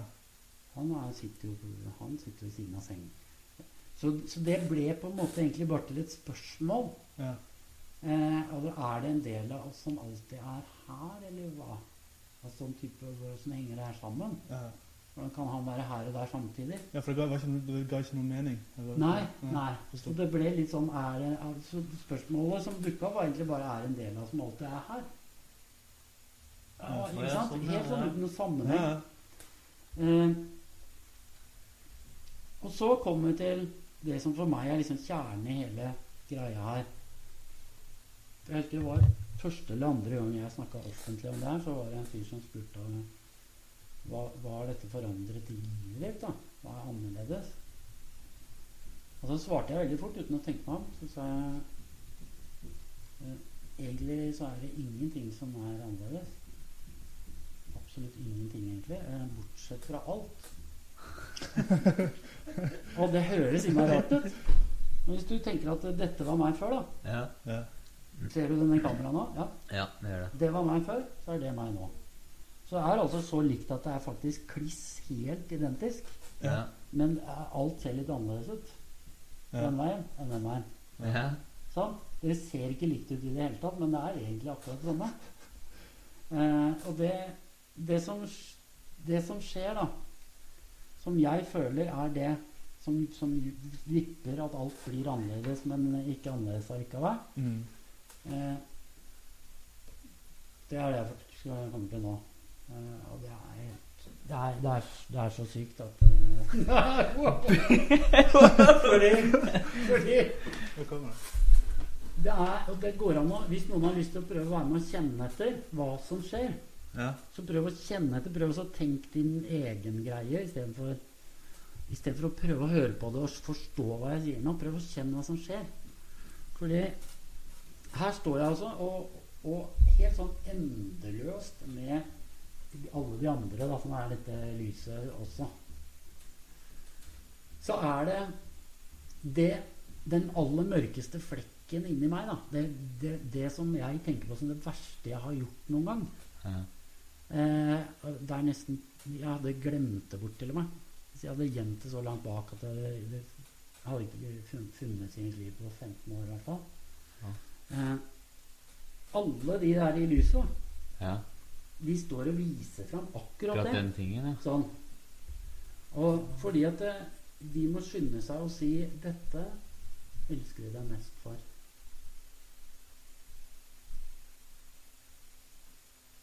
Prøv å kjenne. Ikke, ikke tenk, ikke syns noe om, men bare kjenn. Hadde ikke jeg tror det var den aller mørke elsker vi her? Er det her for et sted, liksom? Er det Skjønner du hva jeg mener? Ja, ja, Hva er det her? Altså men, men i og med at det, det fins ikke noe, egentlig noe språk her, så derfor så er det ikke sånn det, det elsker vi mest. Det er like riktig egentlig å si dette trenger mest kjærlighet, eller Men det er i hvert fall det vi viser meg at de gir mest kjærlighet til. Og det som er Det er at det, det som går opp for meg, egentlig, det er at jeg er, er Dette stedet type, hva, hva er dette for et sted? Og det er det jeg kan egentlig si litt om. Fordi det, er, det ikke Det fins ikke noe språk her. Nå kan man si noen ting. Og det er ganske, det er ganske interessant. Fordi det er ingen merkelapper som fins lenger. For jeg kan ikke sette merkelapper på noe. Jeg kan ikke si 'å, fint skjegg', for ordene fins ikke. Språket fins ikke. Det er, skjønner du? Og jeg kan ikke tenke det heller. Jeg kan ikke tenke fint skjegg heller uten språk. Uansett hvor fint skjegg han har. så, så poenget er at det konseptet som, som jeg er nødt til å være her for å lage, nemlig språk, Ja. eh, som igjen er, kan skape et konsept som er språk inni meg, som vi kaller for tanker, Mm. det eksisterer ikke. Fins ikke. Nei. Så det som begynner å gå for meg, det er at det går ikke an å bedømme noen ting her. Bedømmelse fins ikke. Nei. Jeg er på et sted før bedømmelse er funnet opp, liksom. Det er ikke at jeg har glemt det bort, men det er ikke kommet på ennå. Bedømmelse har ennå ikke oppstått. Så altså hvis vi møtes der, da, så er det ikke sånn 'oi, fint skjegg', for den merkelappen kan jeg ikke sette på deg. Nei. Men det at du passerer, kan gjøre at jeg blir ikke noe annet. Siden jeg møter noen som ikke er akkurat det samme som meg selv, så kan det smitte over. Og så, og så gjør det om den jeg er. Jeg syns ikke noe om det, men det gjør meg om. La oss si litt av skjegget smitter over. Eller bare som et bilde, da. Ja, okay. Henger du med? Ja. Jeg henger med. Hvis jeg er rød og du er blå, Ja. så går det ikke an her at rød og blå møtes, og så sier rød Fy fader, det var fin farge. Og sier den andre Det syns ikke jeg du var. Eh, Det går ikke. Nei. Men det, de to options som fins, det er at det, whoop, de suger opp litt farge av hverandre, og så blir Ja. begge lilla. Eller ikke. Det er de eneste to tingene som kan skje. Ja. Og, så altså det som de, ifølge ganske langvarige, omfattende undersøkelser, viser Vet du hvor lang tid vi bruker mens vi er her på å sette en sånn tag? 2,9 sekunder. Og sette en merkelapp på Merkelapp. Så også hvis jeg ser på deg nå, Ja. Så er det gjennomsnittet vi bruker mens vi er på jordkloden her på å sette merkelappene på det, det er 2,9 sekunder. Og da er vi allerede der, etter 2,9 sekunder, så føler vi oss i stand til å bedømme og synes noe om og mene noe om det vi har sett. Mm. Bruker 2,9 sekunder på å komme dit. Eh, Hvor mye av det har jeg sett på 2,9 sekunder? Det er jo bare skjegget, ikke sant? Ja. Det er ingenting. Det er overhodet ingenting. Ja. Og så lite skal til før vi begynner å bedømme her. ja. Mens, mens plutselig er jeg på et sted hvor dette ikke eksisterer. Det fins ikke. Nei. For språk eksisterer ikke. der. Nei. Så det, det som går opp for meg, er jo at plutselig er jeg en skapning da, som ikke enda har oppdaget konsepter. Bedømmelse fins bare ikke. Ja. Så det blir litt sånn Jeg har jo aldri vært eh, Aldri vært feil. Jeg har aldri vært riktig heller. Jeg har, har ikke løpt fort. Jeg, har- jeg har løpt, og så har det, opplevelsen inni meg vært at jeg har hørt den lyden Men det er ikke fort, liksom. Det er bare merkelapp. Skjønner du hva jeg mener? ja, ja. Ok, så, så, så tidlige merkelapper også eksisterer ikke? Fins Det ikke. finnes ingenting som Nei. har vært eller er eller vil være? Altså, Nei. Så, nå, så, så det som går opp for meg, er at oi, jeg er, jeg er plutselig nå en skapning som ikke er i stand til å bedømme noen ting som helst. Og når jeg er klar over det, da er jeg på en måte kvalifisert for den neste fasen. For da kan jeg gjøre det uten å misforstå, sånn som vi gjør her hele tiden. For den neste fasen, det er å se livet sitt. ja. Og jeg tror det er det man kaller passere revy. Bare at det, for meg var det ikke sånn at det passerer Nei. Nei, men jeg får se livet mitt, alle opplevelsene. Alt det Og jeg kan gjøre det uten den utrolige misforståelsen som jeg går rundt her. Nemlig at Å, nå skal jeg se på livet mitt, og så skal jeg se etter om Har jeg akkurat prestert det, det best gjennomførte liv gjennom alle tider og skal ha en premie for alltid, eller er jeg blant de tre dårligste gjennom alle tider og skal piskes Ja, ja. resten av tida, liksom? Det eksisterer ikke lenger. Nei. Bedømmelse fins ikke. Nei. Så du Så kan kan ikke gjøre det bra eller dårlig? Nei, nei. Nei. Jeg kan ikke ha gjort det bra eller dårlig. All frykt er bare borte. Så det jeg ser etter nå, det er hva besto livet av? Hva var det? Ikke hvor bra var det, eller hvor dårlig var det. Ah, Ja. Hva besto det av? Ja, ja, ja. Og det kan jeg gjøre helt uten Jeg er ikke redd for noen ting. Nei, nei. Og så kan jeg gjenoppleve det bare. Det, det, det er ikke merkelappene, det er opplevelsene. Hva som skjedde der. ja. Eh, Og du vil nå se på alt også, for du har ingen frykt for det. Nei. Nei. Det er, bare, det er bare en sånn utrolig sånn gledesgreie. Så, eh, men for min del så var det ganske Jeg følte at det var ganske lite. Det var få opplevelser. Okay. Eh, som går opp for meg egentlig at det handler om at det er en del ting jeg har trodd har vært å oppleve nå, som ikke er å oppleve nå i det hele tatt. For jeg har trodd at det jeg har Si sultne barn i Afrika, f.eks. tenkte jeg det er noe jeg har opplevd en gang i året. Okay. Fordi at det har jeg vært veldig opptatt av. Jeg har til og med skrevet leserinnlegg i avisen og alt mulig. ikke sant? Ja. Men så går det opp for meg Nei. Sultne barn i Afrika, det bedømte jeg i stedet for det. Mm. Jeg sa sultne barn i Afrika, det er for jævlig at ingen gjør noe med det. Nå må jaggu statsministeren Og det er en merkelapp allerede. Så sorterte jeg det bare. Mm. Og ved å gjøre det, Ja. så holdt jeg det på en armlengdes avstand. Og lot aldri sultne barn i Afrika ha potensialet til å forandre den jeg er. God. Ah. Så derfor har det ikke skjedd. Jeg har bare bedømt i stedet for. Ja, ja, Så, du, begge deler går ikke samtidig.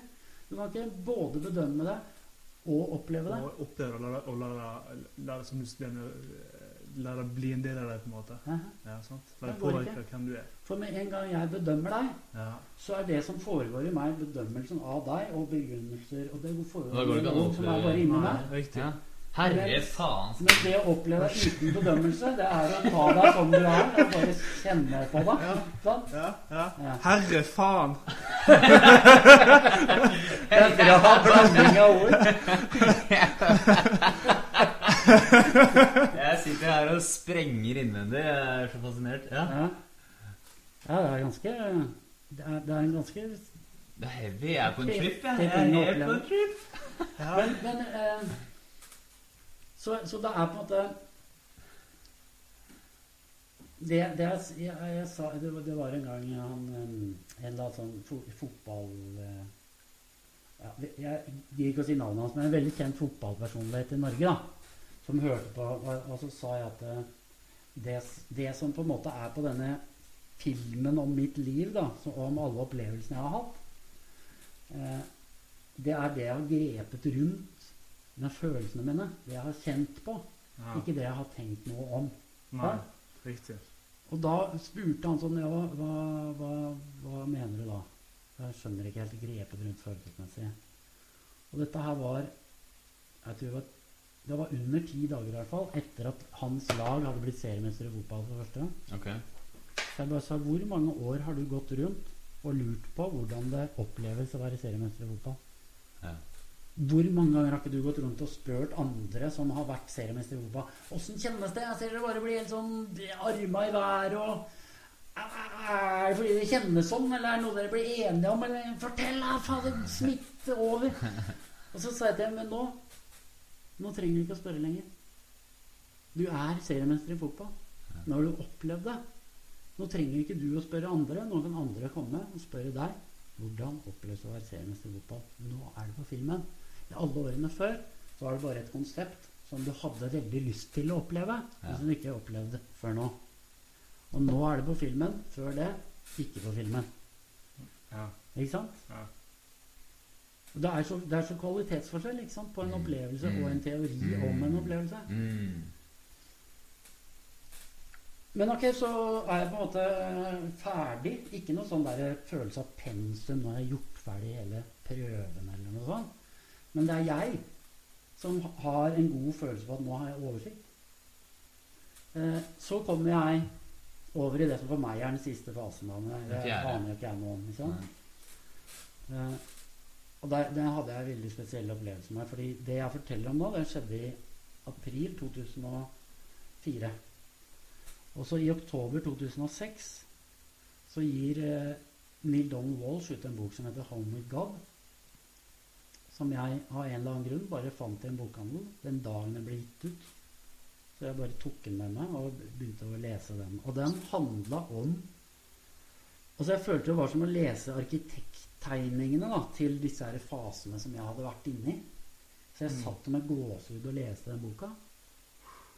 Og så kommer jeg til der jeg er i historien nå, da. Ja. Så står det sånn dette siste, Denne siste fasen på han også var det siste fasen. I know what it looks like, and it also has a name. Jeg vet ikke jeg hadde Ja, så vet du hva det heter der. Og det hadde Du- til og med Hæ? Du hadde et navn? Jeg hadde et navn på det. Navn på det. Som sto i boka? sto i boken Så som blar jeg om i boka, og så Det er det samme navnet. Det Det er på nei. samme språk, til og med. Nei. Jo. Fordi at det som jeg reagerte på, det var at fader, det er et engelsk navn. Hvorfor er det et engelsk navn? Så sitter jeg og leser denne engelske boka, så det er ikke oversatt engang. Det er nøyaktig det samme navnet. Eh, men det som, det som er med denne siste fasen Og du, her, det, her er altså et utenlandsk ord du hadde i hodet ditt. Et engelsk ord du hadde Ja. i hodet ditt som du ikke kunne forstå hvorfor var engelsk. Ja. Før du Og jeg plutselig reagerer til og med på at det var Hvorfor i all verden er det? Hvorfor det engelsk? Altså, altså, ja, Så leser jeg en bok to og et halvt år etterpå. ja. Det står akkurat samme i den boka. Det er tar en mann som er akkurat Hvis jeg er på den siden av Utlund, så er han akkurat på andre sida. Altså. Men i hvert fall, da. Denne siste fasen, det som er forskjellen på den og alle de andre, det er at de jeg har fortalt om da, det er sånn Og det merker dere sikkert at jeg lager bilder. Ja. Egentlig er alt utrolig mye større, men jeg må lage noen dokkehusversjon Sånn av at det. vi skal skjønne det? Eller? Ja. ja. Ja. Men alt er utrolig mye mer. Det er så mye utenfor ord at du aner ikke. Eh, så det jeg egentlig sitter og kjenner, er bare hvor utrolig lite det er mulig for meg egentlig å fortelle. Ja. Det er det jeg sitter og har fortalt dere nå. Det er liksom ingenting. Men den siste fasen, da, den er helt annerledes. Den er, sånn, den er helt fysisk, plutselig. Ja. Eh, og jeg kommer inn der gjennom en dør. Det er, på utsiden er det ikke en dør, for der er det utafor ordene. Men det er, det er det beste ordet jeg har for det. En dør, og jeg vet at det, står, at det er døden som står på den døra. Okay. Death. Det er på engelsk. Death. Og jeg går inn i det. Og gjennom den døra. Når jeg snur meg og ser tilbake igjen, på innsiden av døra står det 'birth'. Der er en dør. Der står det også 'birth'. Utsiden av døra har jeg ikke vært. Nei, du, du kom fra det. du går inn gjennom døden, og du ser bak deg så døden Og da, nå er jeg inne i noe som jeg tenker på som et egg. Okay. Eh, men jeg, jeg har jo ikke vært inni et egg før. Men, men grunnen til at jeg sier det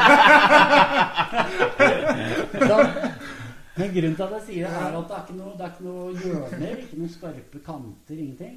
Og så er liksom avstanden den veien er Ja. lengre enn den veien. Så det er, det er kortere til veggen der og foran og bak meg, og det er lengre den her. Okay. Det føles som altså noe ovalt. Der, ikke sant? Ja, okay. Så for meg så så blir det på en måte Dette ser nok ut som et egg utenfra. Samme samme ja. formen utafor som inni. Sant? Ja. Jeg føler det som at det er inni et egg. Et sted der en kylling kunne trives, trives godt. Ja. Ja. Og her er det, det er et belegg som er eh, Nei, det er, det er så mye syke ting. Det er altså Det er et belegg som minner meg om nålefilten på skolen på 70-tallet. Nålefilten. Ja, den der som sleit ut sokkene under. Sånn derre Men du gikk kanskje ikke på barneskolen på 70-tallet? Nei. Dårlig med det, altså. Men det gikk fra å være sånn gummibelegg, hvor du gikk med sko inne, og så plutselig i løpet av en helg så hadde vi lagt om til sånn nålefilt, og så måtte vi ta av oss over nålefilt? Nå googler jeg nålefilt. Men det som er poenget, det er at det er Ja, jeg sånn. skjønner. skjønner. Ja. Og det belegget det er ikke forskjell på gulv, tak og vegger. Det er, belegget er inni hele. Okay. Og på avstanden som jeg innbiller meg at min kroppshøyde er der inne, Ja. så er det en mørkegrun, litt sånn litt rødlig farge. Når jeg bøyer meg litt ned, eh, så det blir litt kortere avstand, så ser jeg at det er egentlig bare masse, masse farger. Sånne bitte små prikker. Men på, den, på litt avstand så er det rødbrunaktig. ok. Eh, Hvor stort var egget i forhold til deg? Eh, det er vel eh, kanskje en nest, Nesten dobbelt min høyde. Ok. Så det er, når jeg står, så er jeg akkurat som ho hodet mitt er på en måte i midten. Ja. Det var ca. cirka det jeg så for meg. Ja. Ja. Ok. Eh, og den veien så er det i, i, i, ja, fem meter omtrent, den veien. Mm. Og så to meter der eller der, da. ikke? For okay. midten er jo like langt unna. Eller ikke to meter, men kanskje to og en halv. Men i hvert fall så står jeg der, og så ikke bare føler jeg at jeg, på et eller annet merkelig vis så føler jeg meg så hjemme her, da. Og så er det sånn Fader, jeg vet jo Tror jeg vet hva det heter. Og så tenker jeg at det det heter, er The core of being, heter det. Jeg synes det, The core of being. Og, og så tenker jeg det er rart navn. Altså, så kjælenavn og bla, bla. bla. Men så, så jeg har, jeg har ikke snakka egentlig om det til noen andre enn samboeren min. At uh, The core of being er så dårlig gjort. Det er så lite å finne det er et kjedelig navn, på en måte. tenker du? Ja. Eh, eh, Men så, så når jeg da leser i denne boka to og et halvt etter- etterpå, så står det også der 'The core of being', så blir jeg litt sånn uh, jeg, hadde jo ikke, jeg hadde jo ikke bare ståpels lenger. Jeg fikk omtrent ny sveis. ikke sant? Det var, alt, alt sto jo, nesten, da. sånn. Wow! Men ok, der får jeg veldig enkelt et veldig enkelt spørsmål. Altså Ja. enkelt as in lett å skjønne hva det handler om. Mm. Ok. Det er, det er, der er den døra jeg kom inn gjennom, det er den andre. Så er spørsmålet Vil du gå videre, eller vil du tilbake? Så vil jeg det, Sånn som jeg oppfatter spørsmålet Det er akkurat som jeg har sett livet mitt, hva det besto av. Ja. Og så er spørsmålet Vil du videre? Skal vi fremkalle bildene, og så går du videre? Eller vil tilbake og ta flere bilder? Ja. Ah, ok. Ja, ok. For det står 'birth', og det står uh, Det står 'birth' på begge to. på engelsk. Okay. Birth på begge to. Okay. Men så så er for meg da Skal du videre og ta bilder, eller skal du Ja, tilbake altså, og ta bilder? for det, ja, han så ser akkurat jo som alle Jeg har vært og sett på filmen om mitt liv i den forrige Ja. fasen. ikke sant? Ja. Alle opplevelsene jeg har med meg her nå. Så er det på en måte Ok, er dette filmen? Er dette filmen om ditt liv? Skal vi nå frem, bare fremkalle det? Og så, og oh, ja! Eller nå som Skal du vet hvordan du tar bilder, skal du tilbake og ta flere. Det jeg ser, det er at jeg, jeg vil tilbake og ta flere. Ah. Eh, men så er poenget at det er ikke noe Når jeg sier enkelt valg, så er det ikke noe lett valg.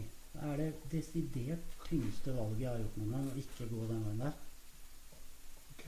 For det er en sånn følelse at det er jo der jeg hører til, det er dit jeg skal, det er der jeg kommer fra. Det er, det er, altså jeg, jeg skal jo dit, men bare ikke akkurat nå. Nå må jeg tilbake. Også idet jeg på en måte her verken tenker eller sier jeg det, da, men jeg på en måte er.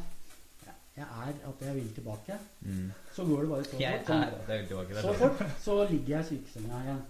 Så ligger Morten ved siden av. Kan du huske at du tok et valg? Ja. Og Du kan huske at du valgte å tilbake. Hva var det, kan du du hva som fikk deg til å velge det? Eh, det er mange ting. Eh, jeg, jeg ser meg selv 39 år tidligere. Jeg er også 30 år tidligere. Eh, jeg Hvor gammel var du på tidspunktet? Altså, da jeg ble født sist gang. gang, ja, sist gang. så ser jeg at eh, altså alt det der jeg er ute etter, det handler om at det er så mye mer jeg har, har tenkt å oppleve i dette livet. Så livet mitt eh, handla om Da jeg var komiker, så drakk jeg. For jeg orka ikke den følelsen av at det var ikke mitt liv, på en måte, hele Mm. tiden. Jeg skulle reise rundt og være morsomst hele tida, så visste jeg ikke hva det var engang. Jeg hadde aldri opplevd å være morsomst en eneste gang. Det var prøvde og prøvde og prøvde. og prøvde. Eh, så. Så det var på en måte at eh, det gikk mye mer i hop da, om jeg, om jeg kom tilbake enn det jeg var akkurat nå. Enn å begynne på nytt eller et eller annet. Jeg vet ikke hva alternativene okay. er. Men, men kan jeg bare fortelle historien ferdig? For det, Ja. jeg er så jeg er litt sånn opptatt av å ikke blande inn så mye spørsmål inn der. Ja. Kan ta, det kan vi snakke om timevis etterpå. Ja. Eh, for det med en gang jeg sier at jeg vil tilbake, så er jeg bare tilbake i sykesenga. Hvor Morten sitter ved siden av også. hører jeg. Eh, og det jeg har fortalt dere nå, skjer på tirsdag. På torsdag, to dager etterpå, så skjer akkurat den samme greia en gang til. Eh, hvor Morten også blir ringt opp med beskjed om at jeg er død. Og så er jeg på denne reisen en gang til. Bare at første gangen så Eller andre gangen så er det ikke den der fase én med å drive og rømme og stikke av. Det er akkurat som Nei, det er rett inn i det lyset, så er det videre derfra. Ja. Eh, så jeg opplevde det to ganger, og jeg føler at eh, hele poenget med det var at jeg skulle kunne sitte her og snakke om det, rett og slett. Rett og slett. Men det som er, når jeg kommer inn Jeg skal bare avslutte historien der jeg begynte.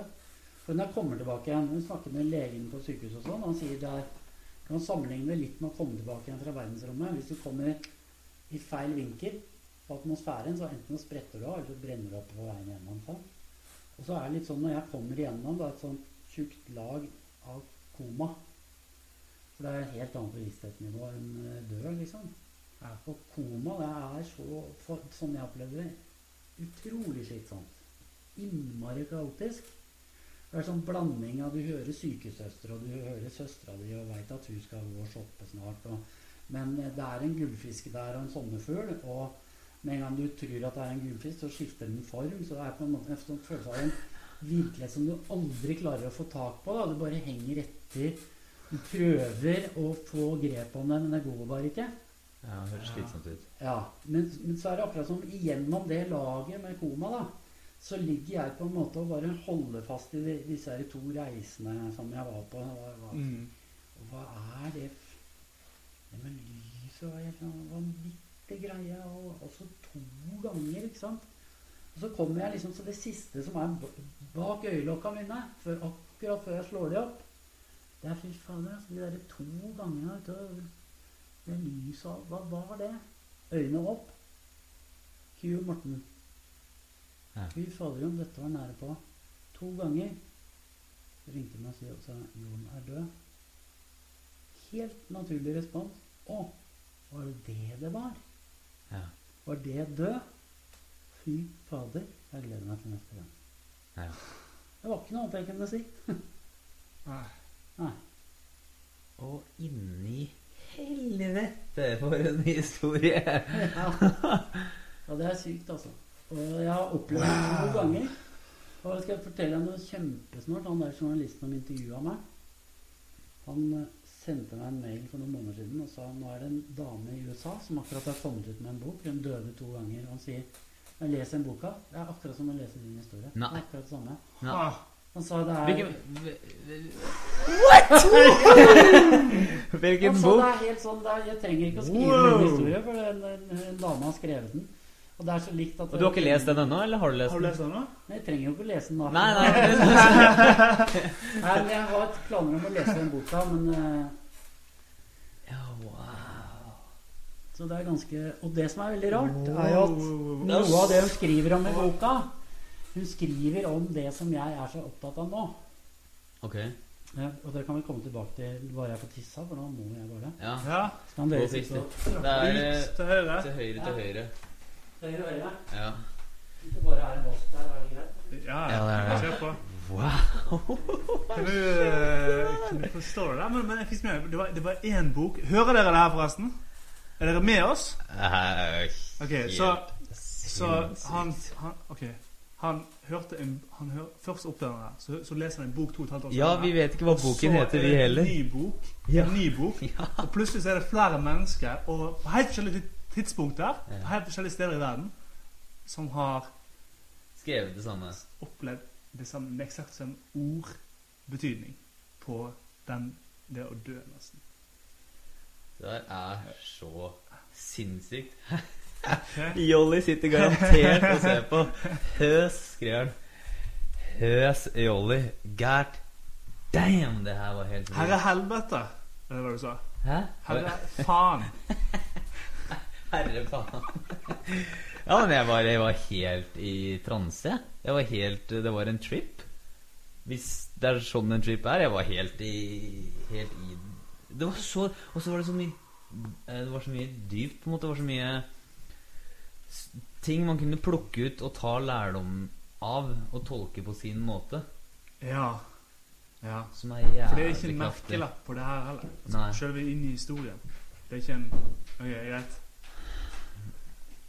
Eh, husk, her er noen som skriver 'Husk å spørre etter tittelen, please'. Vet du tittelen på på den boka du er, Det er to, Eh. to bøker du har nevnt, så jeg veit ikke hvem av de de mener. Men eh, den, den, den første den heter eh, 'Home with God'. Tror den har kommet ut på norsk. ja, Den andre heter 'Dying to be me'. ok. Ja. Bra tittel, den siste der. Ja. Dying to Og be det er det jeg følte at jeg gjorde òg. Så det var faktisk en tittel i det å tulle litt med meg og Arnstein Nilsen. Ok. Ja. Vi, Blei det noe artikkel ut av det? Nei. Nei? Vi, altså Egentlig skulle han skrive en bok. Eh, så ble det Ja, det var andre 'Samtale med Gud' heter den på norsk, og det er en film òg, er det en som skriver. Nei. Nei. Eh, det er de tre første bøkene hans Den boka jeg snakker om, er hans bok nummer 12 eller 13. Oh, ja. De tre første bøkene hans heter eh, 'Conversations with God' 1, 2 og 3. Ok. De tre første heter det, og det, filmen handler også om det. Ok. Eh, okay. Men den boka jeg snakker om, er langt ute i rekka. Ok. Vi, det, det var jo bare helt sinnssykt å høre på. Det var eh, For det som, er, det som var sprøtt for meg, eh, i hvert fall, å høre på, det er at det er så Som jeg sa til Knut akkurat, at det er så dypt på den måten at det, det er så mye lærdom i det som jeg kan tolke eh, på min måte. Mhm. Hvis du skjønner hva jeg mener? Du forteller ting, og så tenker jeg Ja, det resonnerer til det. Ja, det var det Den, den opplevelsen altså Jeg får sånne nesten sånne små bekreftelser, eller avkreftelser, mm. på sannheter i mitt liv, da. Mm. Som jeg har jobba med eh, Som jeg har jobba med, liksom. Ja. Og det er Wow! Det er noe med den derre Eller jeg vet ikke om Som du sier, om ikke du får forklart det nok med ord, på en måte, så, så blåser det huet av meg, liksom, som ikke har opplevd det. Ja. At det, liksom alle de, det blir jo som på en måte metaforer. Veldig sterke metaforer. Som, som er givende. Energigivende og lærerike for min del. Ja. Når jeg hører på det. Mm. Det er helt Altså det er ikke sant, det som er det, det, Den delen av det som er helt umulig for meg å klare å bringe videre, nesten, Ja. det er Ja, altså Ta et eksempel, da. At jeg hadde hoppa ned Spurta ned på Aker Brygge og så hoppa ut i sjøen nå. Så skal jeg komme tilbake og forklare dere hvordan jeg opplevde å bade, liksom. Jeg kunne sagt det var kaldt. Jeg kunne sagt altså, men, men så legger du på at alle ordene jeg kunne ha brukt, skjønner ikke dere noe av. Ok. Så hvis jeg sier kaldt, så tror dere Uh, Hva er det? Skal vi se, hvordan jeg forklare kaldt? Um, ah, ja, sånn. Ja, ja. sånn. Kjølig, hva er kjølig, liksom? Ja, sånn Ja, frysninger. Hva Du er hva jeg frysninger? Det er akkurat som så, så det blir litt sånn at jeg, jeg føler at hvis jeg velger det ordet, så, så ser de den lille biten av det der, men da, da mister de den. Ja. Så jeg bruker det ordet, så får de den, og da mister de den. Skjønner du hva jeg mener? Ja. Eh, og det er litt sånn, hvis jeg skal forklare dere hva kaldt er, og dere ikke veit det Nei, riktig. Ja.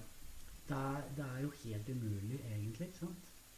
Du må jo ha gjort noe Du må jo ha Eller du må jo ha gjort noen slutninger ut av det her. Hva er det du på en måte tar fra det? Hva er det du, Ja. tro, hva er det du nå tror Uten å igjen ikke, ikke la noen tro på deg i det hele tatt, men på en måte hva, hva er det du Hvilke overbevisninger eller halvveisoverbevisninger er det du sitter igjen med etter en sånn opplevelse? Hvis du Forsto du Altså, spørsmålet? Ja. ja altså det, det jeg føler er det kanskje det aller første, er at jeg oppdager plutselig en del av eh, meg som som ikke har vært mulig for meg å se før. Mm. Eh, store deler av mitt liv så gikk jeg rundt og trodde at det jeg tenkte og det jeg sa, var meg.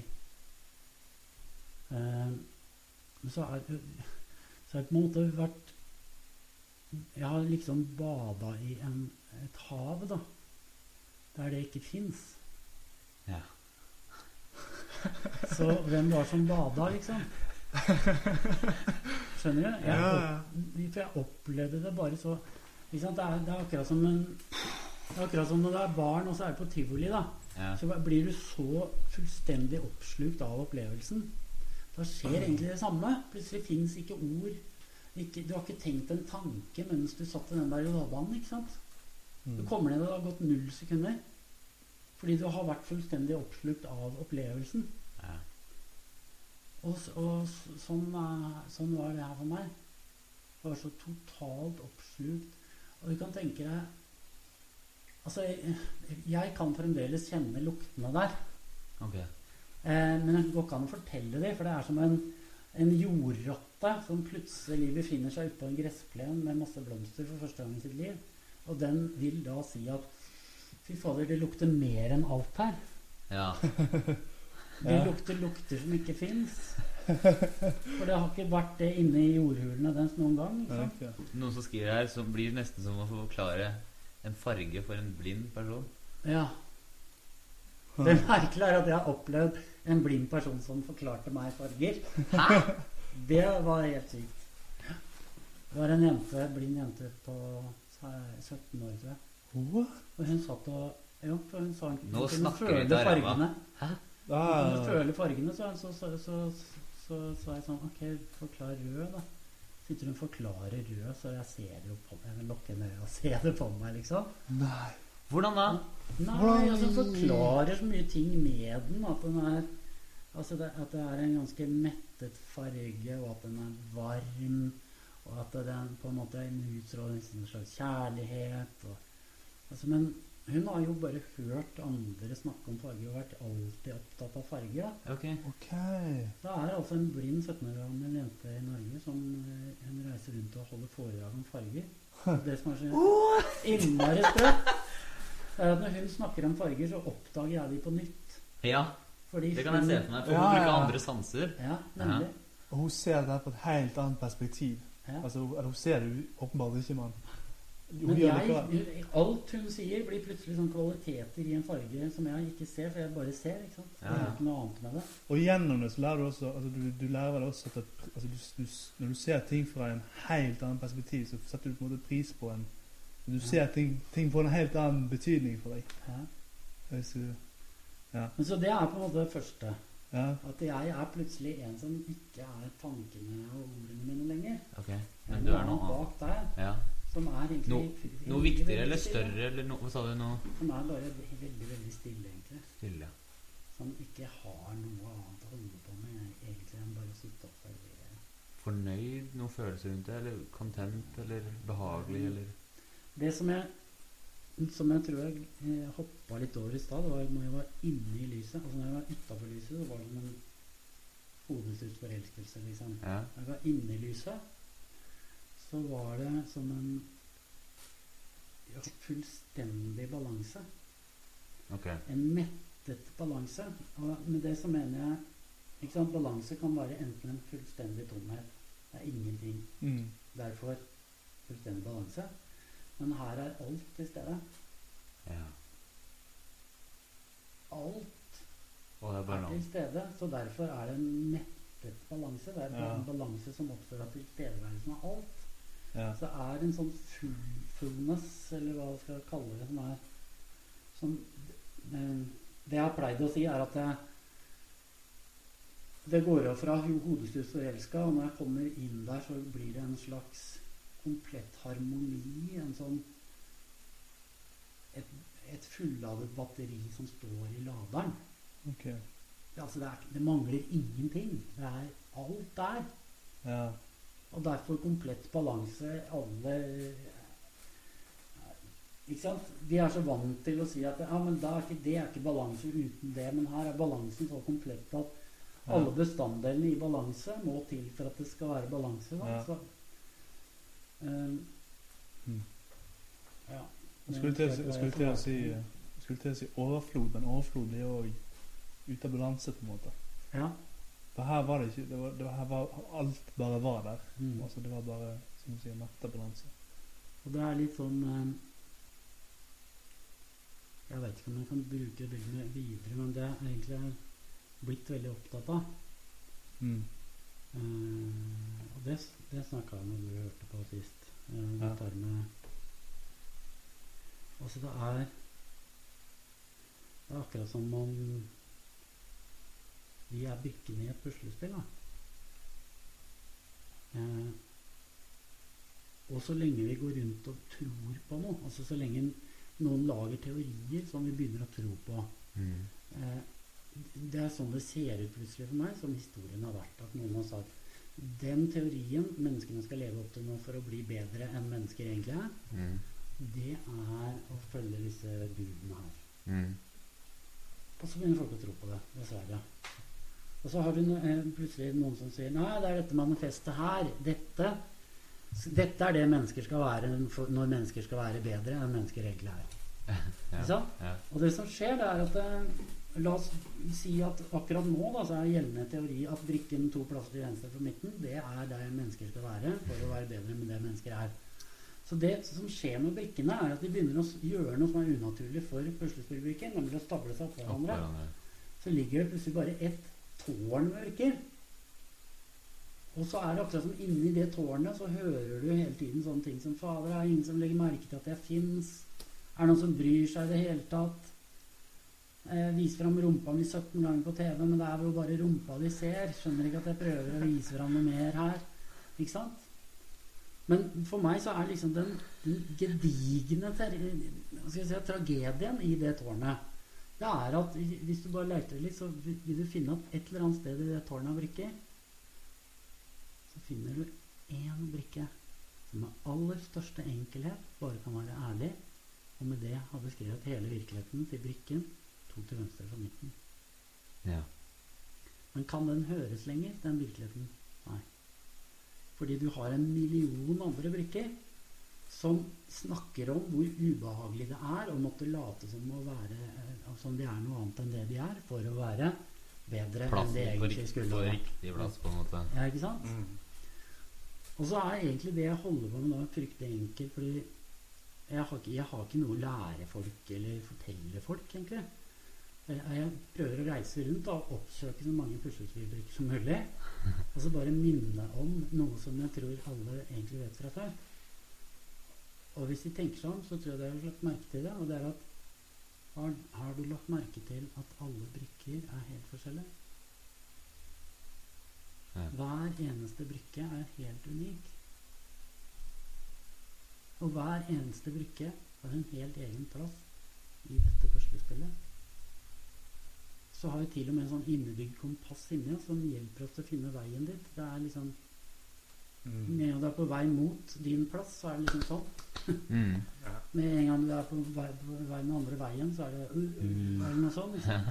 Men det, er, det gjør ingenting, for det er akkurat motsatt vei. Og plutselig en dag så finner du det stedet der det ikke er noe motstand i det hele tatt. Det er ingen av brikkene rundt deg ønsker noe annet enn at du er akkurat den du er. Ja.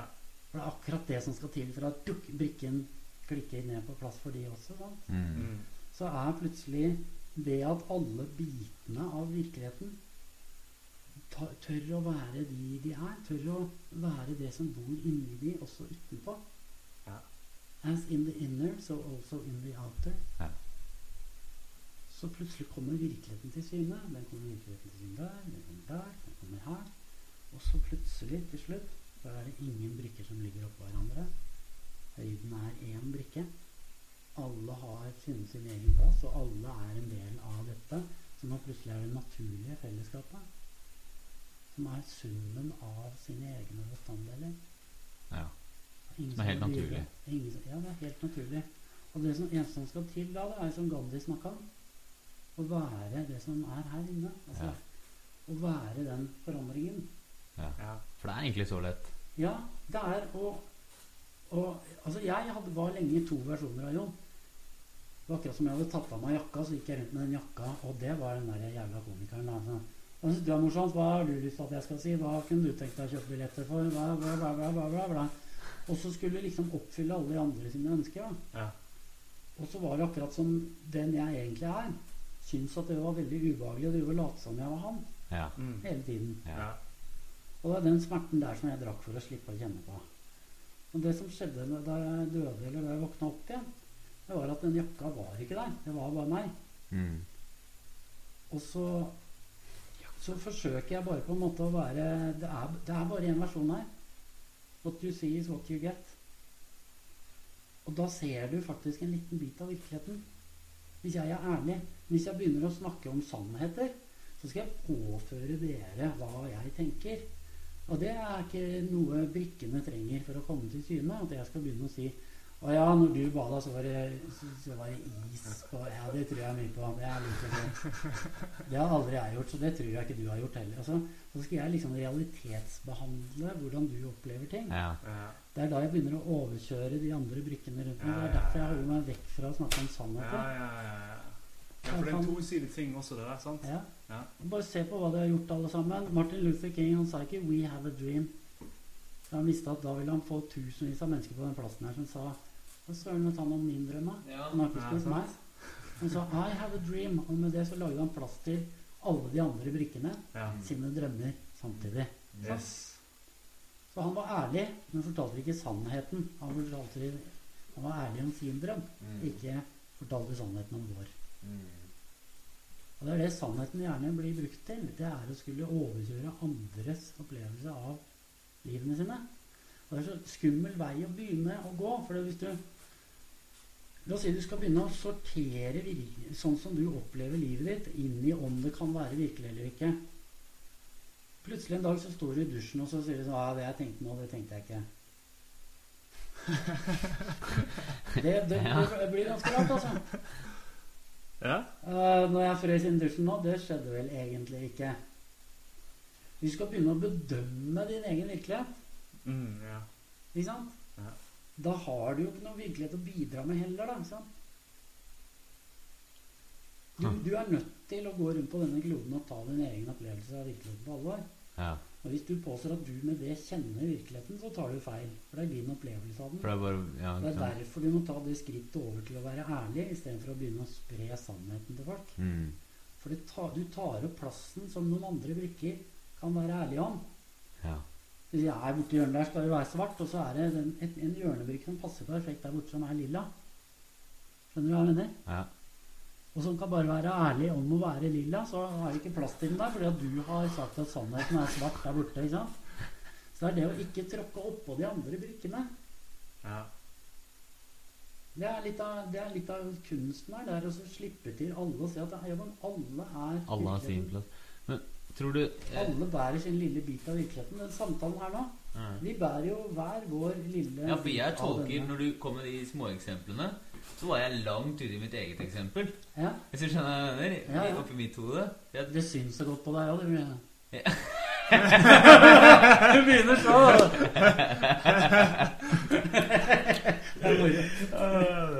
Eh, men tror du at det er liksom Tror du det er en, Fire en store øyne.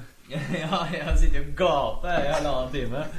Men uh, tror du at det er uh, At det er svart-hvitt i den formen at det er på en måte et valg, eller man gir slipp på en måte på den brikketårnet? At en eller annen brikke i det tårnet liksom gir slipp, og så finner den sin brikkeplass? Eller tror du det er en prosess hvor jo nærmere plassen sin, jo, eh, jo små, altså, små suksesser, eller hvordan jeg skal forklare det? Altså det som er litt merkelig med det her, er at uh, i utgangspunktet så er du jo Du er født på plassen din. Ja. Så det er, sant, det er jo fra, fra å være her Jeg syns å si å være meg er egentlig litt misvisende. Mm. Det, er, det handler om å være her.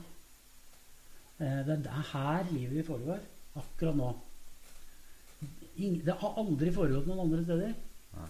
Så det er på en måte sånn Altså Veien dit er det å innse at du allerede er her. Altså dit Ja, Hvem har noen gang vært der, da? ja man tror at Skjønner, skjønner du hva jeg mener? Ja, ja, ja. Nå er jeg der. Det går ikke an å si det. Nei. Du er alltid her. Og det er det som er greia. Det er at hvis du, hvis du hele tiden er på vei der nå, nå skal jeg dit. Så er du aldri her. Sannsynligvis så kommer du til eh, her der borte, da, som du kalte dit i stad. Men siden du er mer opptatt av hvor du skal, enn hvor du er, så blir det hele tiden dit, dit, dit, dit, dit. Ja. Eh, og så har til slutt hele livet ditt foregått her, da, for du aldri var. Mm. Du hadde ikke oppmerksomheten din der, du hadde ikke fokuset ditt der hvor livet ditt egentlig er. Og, og så er det så Det er så Det er så mye da som Det er akkurat som om utvendig så blir livet så innholdsløst på mange måter. Akkurat her nå foregår bare foregår ikke mange ting utvendig her. Er tre mennesker som sitter og ser på hverandre og snakker. At plutselig så begynner det som er inni å komme fram. ikke sant? Ja. Og det er det. Hvis jeg skal fylle huet mitt nå Hvis jeg skal nå sitte og tenke her sånn fader, hva skulle jeg ha med noe hjem når jeg får her, ungene er store, de har lagt seg, hva skal jeg Hvis jeg hadde å sitte og tenke på hva, og i morgen, og så må jeg hjem og så må jeg gjøre ferdig den der, og så må jeg sånn, sånn, sånn. Da fyller jeg jo opp her med alt som ikke er her i det hele tatt. Hele tiden. Og du har ikke noe kontroll på det heller? Nei. Og jeg kan heller ikke gjøre det her. Nei, nettopp. Jeg kan ikke sitte her nå og handle til ungene på veien hjem. Nei. Det går ikke.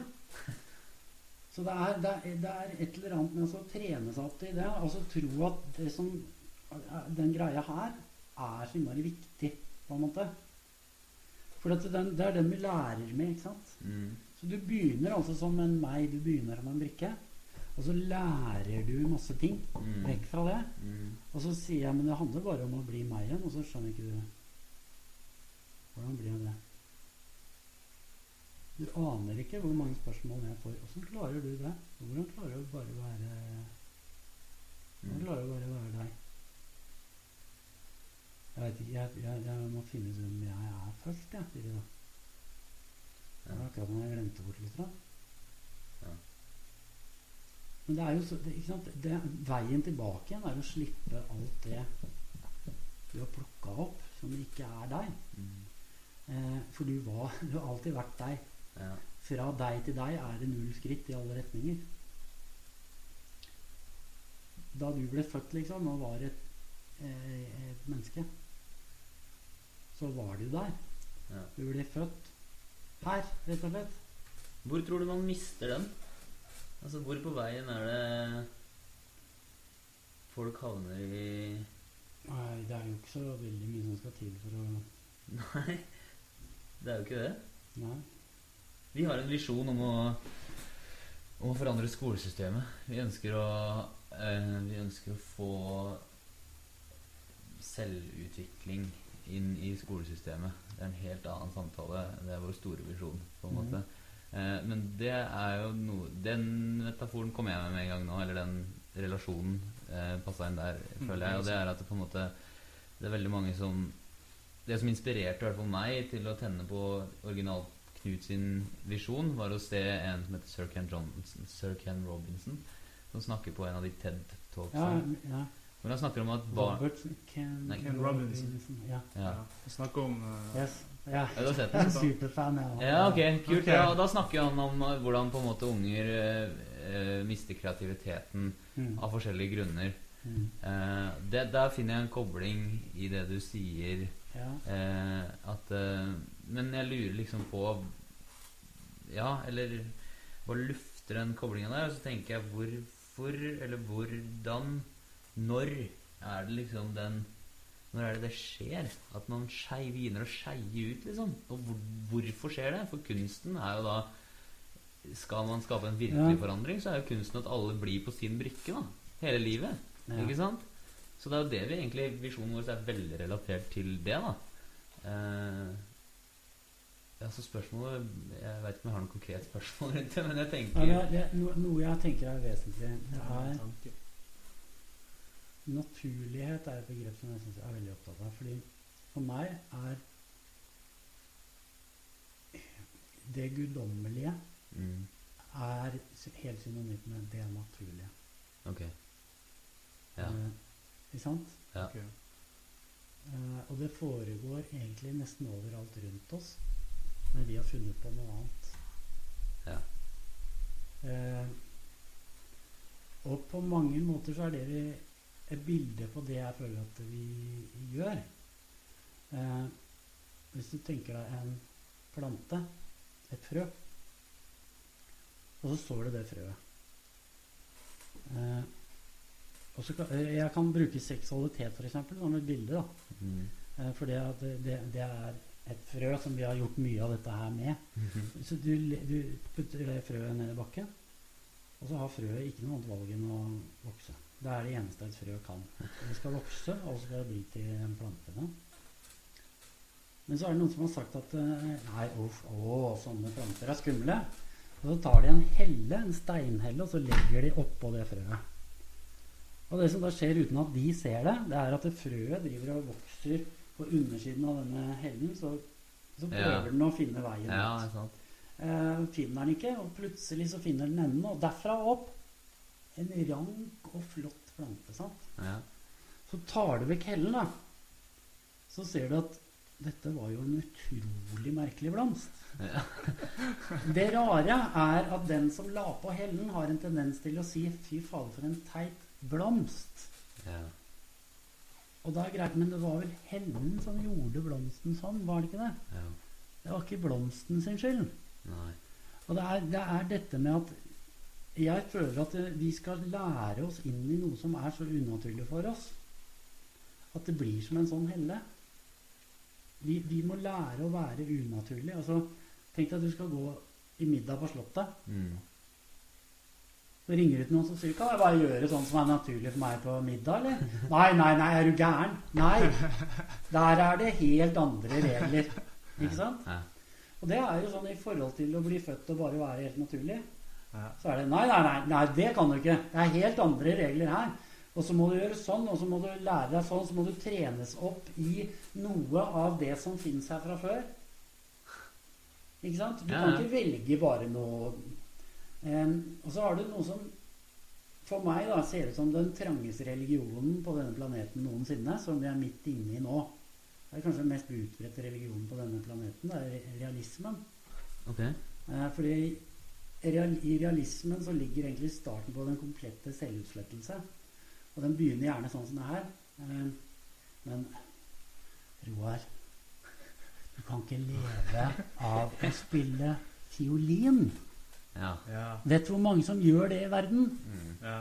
Det er totalt urealistisk. Mm. Skal jeg, jeg, altså jeg er jo pappaen din, så jeg er egentlig bare veldig ålreit når jeg skal hjelpe deg med å velge noe som er litt mer realistisk. Ja. Vaktmestere, f.eks., fins det veldig mange av. Ja. Det tror jeg du kan bli. Så det handler om du, du, på et eller annet, Det handler om at du blir bedt om å være realistisk, sånn at du gir opp drømmen din Ja. og blir til noe som vi, er, vi andre har langt fra før av. Altså velg en av de tunnelene som er her fra før. Så, så det er på en måte noen mennesker er nærmest som sånn bestillingsverk. ja. Yes. Du har lagd eh, 60 tunneler, som de fleste kan eh, bli til. Ja. Fastlagte løp. Ja. Og så blir ungene bedt om noe. Og mer og mer så ser jeg at de reagerer mot ja. å skulle gå inn i en form som skal bli til Ser det. dette. Ja, ja. Virkelig. Bra. Jeg hørte om en, det var det var en 14-åring en gang som sa Det er én ting som jeg ikke ønsker å lære meg. Og det er hvordan jeg skal bli sånn som faren min. Fordi han han orker ikke livet sitt. Han, han rømmer fra livet sitt hele tiden. Han er, 16 år gammel? Wow. han er 14, tror jeg. Wow. Eh, og så sa han Så jeg sier på skolen egentlig bare lær meg hva som helst. Mm. Bare ikke den ene tingen der. Mm. Og så kommer jeg på skolen, og så er det det eneste Akkurat de lærer det meg. de lærer Ja. Ja. Og så sier de at jeg ikke lytter. Ja. Yes. Det er ganske sterkt av en åttendeklassing. Altså. ja, fy faen. Eh, og det, er- det er akkurat det som jeg tror altså, Det er det som de menneskene som står i historiebøkene, har gjort. Ja. Det er å komme hit og ikke på noe tidspunkt bare stille det spørsmålet hva er alternativene her? Men de kommer og legger til seg selv. Mm. De legger til, de tar naturen på alvor og sier Her, se her, folkens. Her kommer noen som aldri har vært der før. Ja. Følg med nå. Ja. Det er sånn vi egentlig kommer hit. Vi kommer hit som en helt unik brikke, en helt unik samling av egenskaper og interesser og bla, bla. Eh, masse mulige muligheter. Men så blir vi ikke bedt om det. Det er ingen som, det er ikke, ingen som spør 'hva bor i deg'? Og det er for meg så absurd å møte et barn og si 'nå skal jeg fortelle deg hva jeg kan'. Ja. I stedet for å, å, å møte en ny, en ny skapning på denne planeten og si Og oppleve, Oi! Ja. Hva har du å by på? Å oppleve det, på en måte. Ja, Ja. ja. Ja. Som vi snakka om i stad. Ja. ja. Og Og det tror jeg er tørt touche borti Dette er jo en diskusjon som kunne ha vart i mange dager, selvfølgelig. Ja. Men Uh, Men så er det også to, to, to sider. sånn, For da, da kommer det, det barnet, da, som er en ny verden, og går fra å være den Å, hva er det her for noe? Hva skjer her? Hva er alt det her for noe? Hvordan kan jeg bruke det her? mm, Hvordan smaker ting til å bli Å ja, ok, du har allerede funnet ut det her. ja. Fortell meg. Jeg må hente noe vann til oss. Gjør det. Ja. Det, det meg og uh, Vi har jo jobbet med mennesker, egentlig, de siste par år. Vi, vi gjorde oss egentlig det. det, det vi, satt og spurte oss sjøl på en måte her, Det tar jo ingen ende der. Det er jo, det er jo flere og flere som, som, som har akkurat det at de, de, de føler seg så langt ifra den de egentlig er. Altså De føler seg så langt fra den kjernen sin. Mm. Og den, den gnisten er på en måte litt borte fordi at de gjør ting og er ting som egentlig ikke er de. Mm. Um, og så sitter vi da og jobber på litt, litt Vi sitter egentlig jobber litt på overflaten og jobber litt, på, litt reaktivt med å ta de som kommer inn etter hvert, og prøve å hjelpe dem. Men så spurte vi sjøl hvis vi nå skulle hvis vi, vi nå, hvis vi nå som mennesker da skulle klare å få ut vårt det her enorme potensialet som, som vi ser i de menneskene som virkelig er sitt element. Sant? Hvis vi skulle få ut det potensialet der hos mennesker og Hvor skal vi begynne? Altså, hvor er det, hva er det som Hva kan vi få til? Hvor er det de her eh, nye de her nye lagene som du sier i steinhellene blir lagt oppå oss hele tiden? Sant? Ja.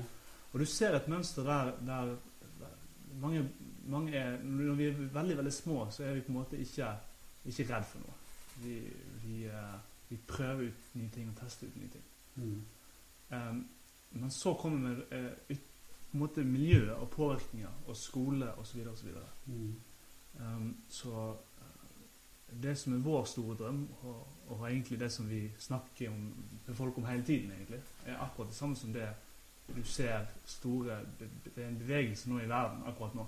Sant? Du ser Circan Robinson snakke om det her. Du ser veldig veldig mange folk har en sånn der eh, Det skjer noe her. Mm. Um, og hvis vi bare prøv å forestille hvis vi kunne skapt et, et miljø, et skolesystem, det var det som skulle til Uh, Mm. eller, eller et, bare et miljø, bare et, et vekstmiljø fra folk er veldig veldig små, som, som dyrker akkurat det der. Som dyrker Mm. mennesket sitt, sitt, eh, sin nysgjerrighet, sin, eh, sin, sin skaperevne, sin unike Altså dyrke den, den brikken til å vokse og være den han egentlig er, på en måte. Mm. I- Og ikke nødvendigvis prøve å, å si 'her er virkeligheten, her er sannheten', men dyrke den nysgjerrigheten hans. sant? Fordi at den personen som kommer inn, akkurat sånn som du sier, altså, den personen der har så uendelig mye mer potensial enn det vi hadde før. Altså, sant? Enn det vi, enn den vi nødvendigvis sier at 'her er ditt potensial'. Det er det egentlig vi gjør. Her er, her er det du har å velge mellom av potensial. Mm. Um, Noe jeg har tenkt på som er sånn veldig sentralt uh, Det handler om å ikke påføre noen noe, Ja. men å tillate noe. Yes. Eh, det skiftet som ligger der, det er ganske vesentlig. Ja. Eh, for det er mange Jeg tror ikke det er noen mennesker som opp gjennom historien har gått rundt og påført andre mennesker noe, har tenkt at det har vært en dårlig idé. Eh? Så jeg tror ikke det er Det ligger ikke i det at Å, eureka, denne ideen er så god. Ja. Det er, er, du går over streken i det du tillater deg selv å påføre andre den. Ja. Mm. Eh, det handler om å For meg, da, å tillate seg Altså, jeg, jeg kan prøve å komme med et bilde.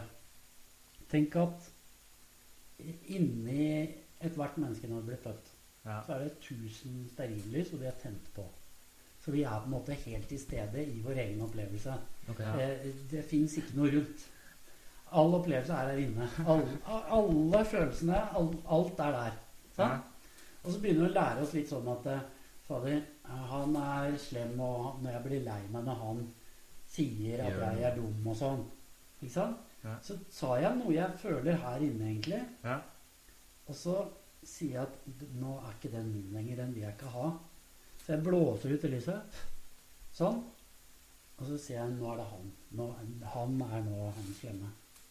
Eh, så, så jeg, hver gang jeg kjenner noe som er vond, så må han slemme meg igjen. Mm.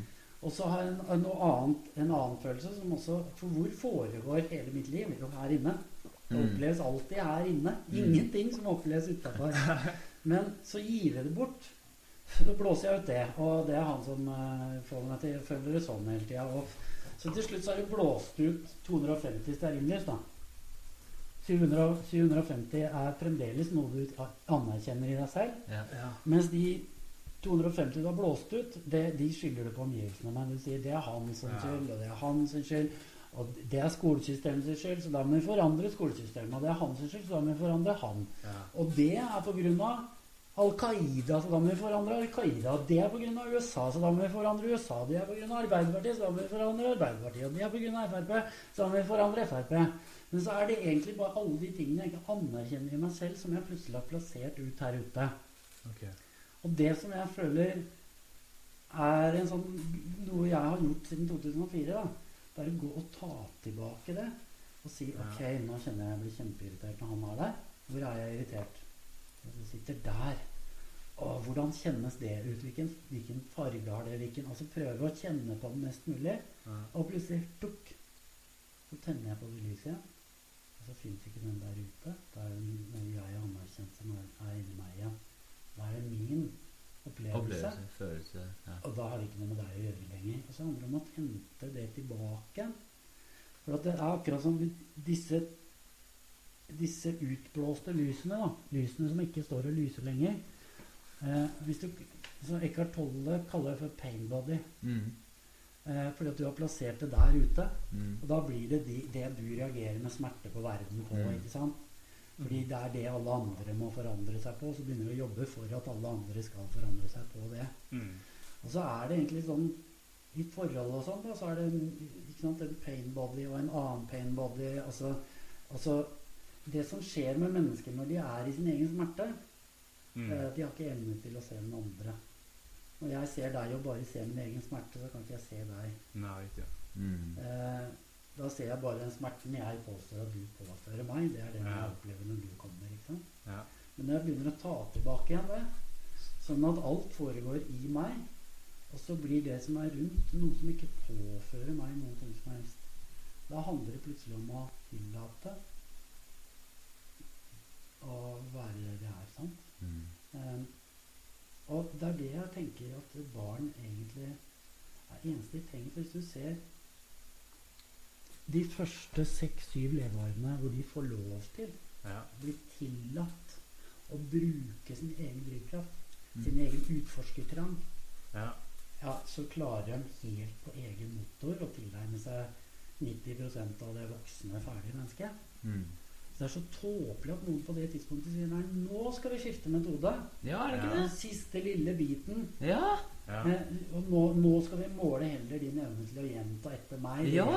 Pugge det som kommer ut av kjeften min. Og jeg, jeg tenker at i det øyeblikket der, der skjer det noe. Ja. Når, det ikke, når de ikke tillates Ja. lenger, men det skal formes. Ja. Ikke sant? Ja. Fordi at da er det ikke lenger Mm. det som jeg sier å tillate. Da skal man begynne å påføre. ja. Mm. Eh, og Ja. eh, ja. Jeg, jeg, jeg, tror at vi er her for å, for å oppleve at vi lever den vi er, alle sammen. Mm. Ja. Eh, og det, der oppstår veldig ofte smerten òg. Men det ja. Altså akkurat det året hvor de skal begynne å lære disse nye Ja, metodene. ja. Er litt, Hva er dette for noe? Eh, Ja. Jeg Blei det å klatre opp i treet hver gang jeg lurer på noe? Jeg, eller eh, Skjønner du hva jeg mener? Ja. Eh, så er det ikke liksom din egen Mm. drivkraft lenger. Og det som plutselig skjer, er at det, da, skal folk begynne å motivere det i stedet for. da. Det er sant. Og hva er motiv? Jo, jeg må vise deg et motiv. Så er det sånn, og Egentlig så handler det om noe så enkelt som at jeg sier sånn Du, den der drømmen din, den er så urealistisk. Men min Se, er ikke det bra, eller? Og så kan jeg motivere deg til å være med på noe annet enn din drøm eller min, da. Ja. Eh, og så blir du med på det litt, og så mister du litt sånn futten igjen, ikke sant? Fordi du er ikke inspirert, du er motivert. ja. Ja, ja. Og så holder og nok en vi engang på motivasjonskurs for å fremdeles drive og bygge Ja. noe som ikke føles mitt, noe som ikke føles Jeg, kommer, jeg har egentlig ikke noe å tilby her. Nei. Og det vi begynner med, er at eh, ikke sant? så er det akkurat som jeg har sagt Ja, men denne, dette, dette er fint.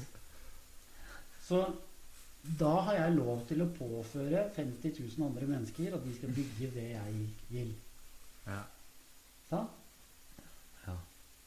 Og så, og, så, og så begynner man å lage systemer der egentlig det, det, det dette er, er én person som gjør det den vil, og 50 000 som ikke gjør det. ja. Mm.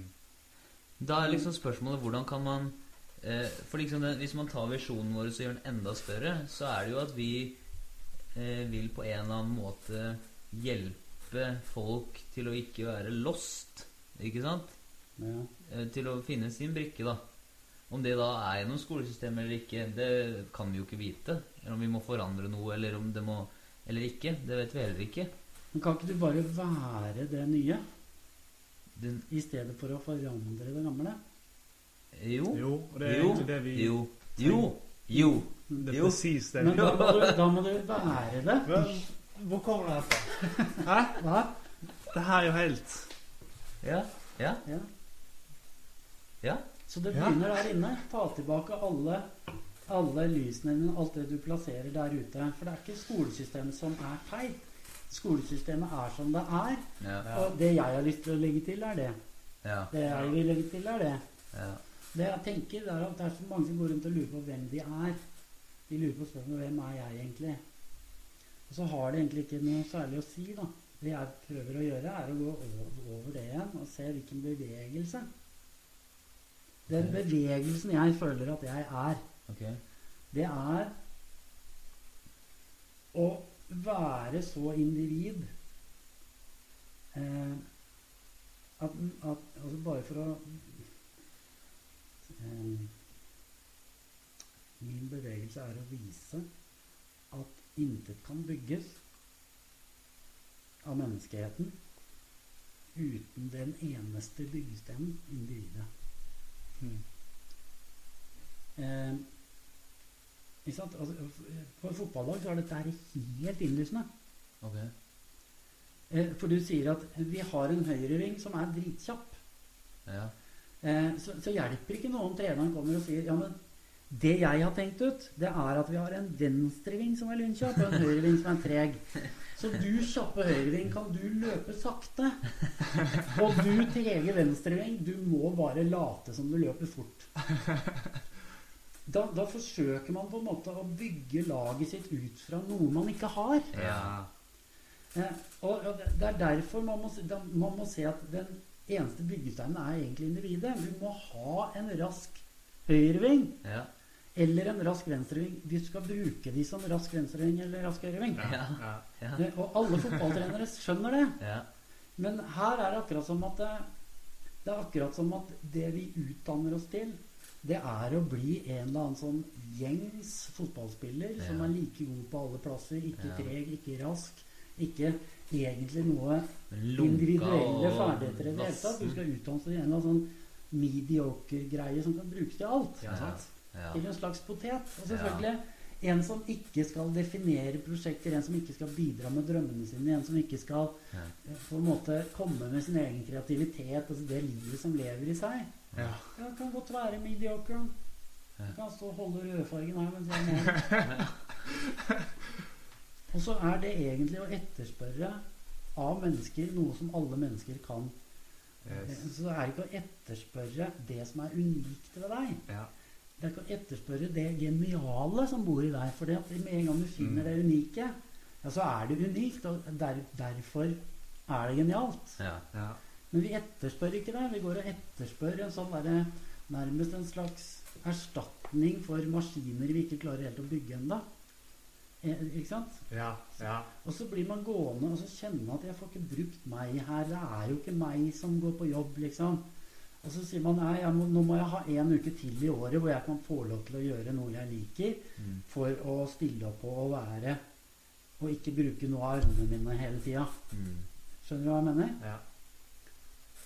Dette her er sikkert satt på spissen og, og så videre, men uh, hvis man skal vise fram et bilde, så er det jo sånn. Jeg forstår akkurat hva du mener. For det blir jo sånn med kunstnere. Hvis du maler et helt realistisk bilde, så står folk og sier ligner.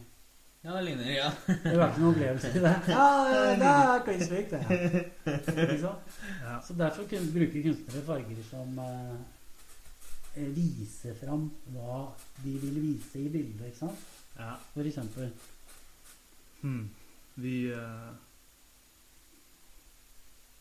jeg, jeg tenkte bare på, på passion immersion med en gang vi snakker om dette. egentlig. Ja. Vi har Vi, uh, vi Eh, vi Jeg eh, ser jo på dere at jeg snakker om ting som dere også Ja.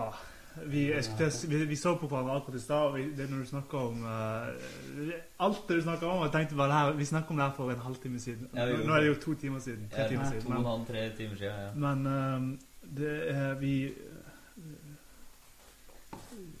Vi kan ikke Vi, vi tenkte på for, um, Hvor vi begynne? da? Jo, vi har noe som Vi, vi, vi prøvde å lage en, en Det vi prøvde å lage, var Vi prøvde å lage det et miljø, egentlig, i Oslo. Et miljø der folk kunne, kunne komme inn. Eh, vi har, vi, vi lærte det som et, et program, egentlig. Der vi tok folk inn og hjelper dem å finne tilbake igjen til det som vi kaller for lidenskap. da, Som Mm. er vårt på en måte, eller passion, altså, som er vårt på en måte, ord av når en person finner det elementet sitt der han, den, der han hører hjemme. på en måte. mm. Der er det, det her er meg, han føler det. Og du ser da et fire måneders program der folk går gjennom. Du ser folk på en måte, de kommer til live. De, det akkurat sånn, Du kan se det på kroppsholdningen deres, og på glimt i øyet deres. Og på, Ser det på deg nå. å på ja, sånn. ja. ja, men det her er min lidenskap. sant? Ja. Det, er jo, det er ingenting jeg elsker mer enn akkurat det. Og se det skje, og, og folk, folk begynner å tro på at hei, jeg, det, Folk begynner å tro på at det er mulig for meg å gjøre det som er meg 100 Gjøre det som meg, og være det som meg. Mm. Og hvordan det, folk bare våkner til liv. Og jeg vil si det så krast at de er ikke egentlig i live for det. Egentlig. Fordi at de Og det sier de sjøl også, det er ikke bare jeg som sier det. Men de, de sier det sjøl også at Hva er det jeg har gjort på? Det er akkurat som de har, får en sånn aha-opplevelse. Mm. Mm. Um, så, og det bare å relatere og Det var liksom vår, det var vårt forsøk egentlig på å skape et ikke på, Egentlig ikke på å skape et her er sånn som det er, men å skape alle, alle res, gi alle ressursene til et menneske. Mm. Og stille alle uh, spørsmål som kan folk, få folk til å reflektere mer over og finne tilbake igjen til akkurat det. Mm. Og så tilby alle ressursene og miljøet og støtten og alt det som skal til for at han kan begynne å virkelig altså, komme tilbake igjen til det, tro på det og, og Mm. utleve det som er han. 100 Er, er, det, er det helt absurd? Nei, overhodet ikke. Uh, Jeg kjenner folk som Sier du til mister Metafor? ja, ja, ja. ja, ja, ja. ja her har vi snakket om, om lyset og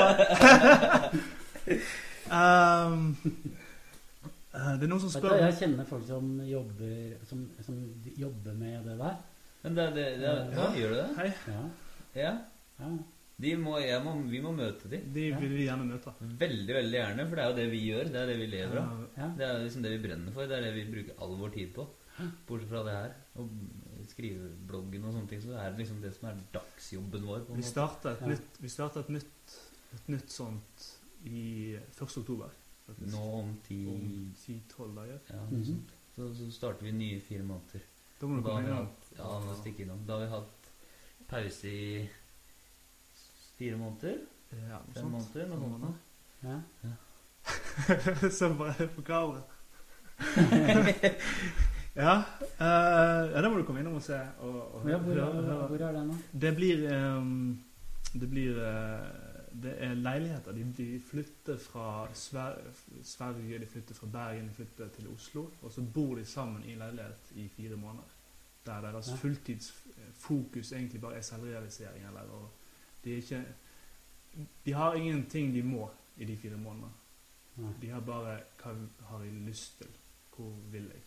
Og, og Setter av fire måneder. sette av fire måneder finne å finne sin. puslespillbrikken sin, og finne det elementet sitt, og, og så begynne å, å, å, å, gjøre ting og leve det, og, og, og Mm. skape, altså skape noe istedenfor å, å være en Altså det, det er litt sånn også når du, når du finner det elementet, så går det også fra å være en, en, en det jeg kaller en spectator, der du, du, sitter Ja, det er sånn, du sitter på samme plass som alle andre, og du observerer rundt måte, de, som, de som lever. De som, Mm. Du observerer Steve Jobs. Mm. Mens plutselig så hopper du på en måte ut av den eh, og finner din egen plass og begynner Mm. å skape ting sjøl.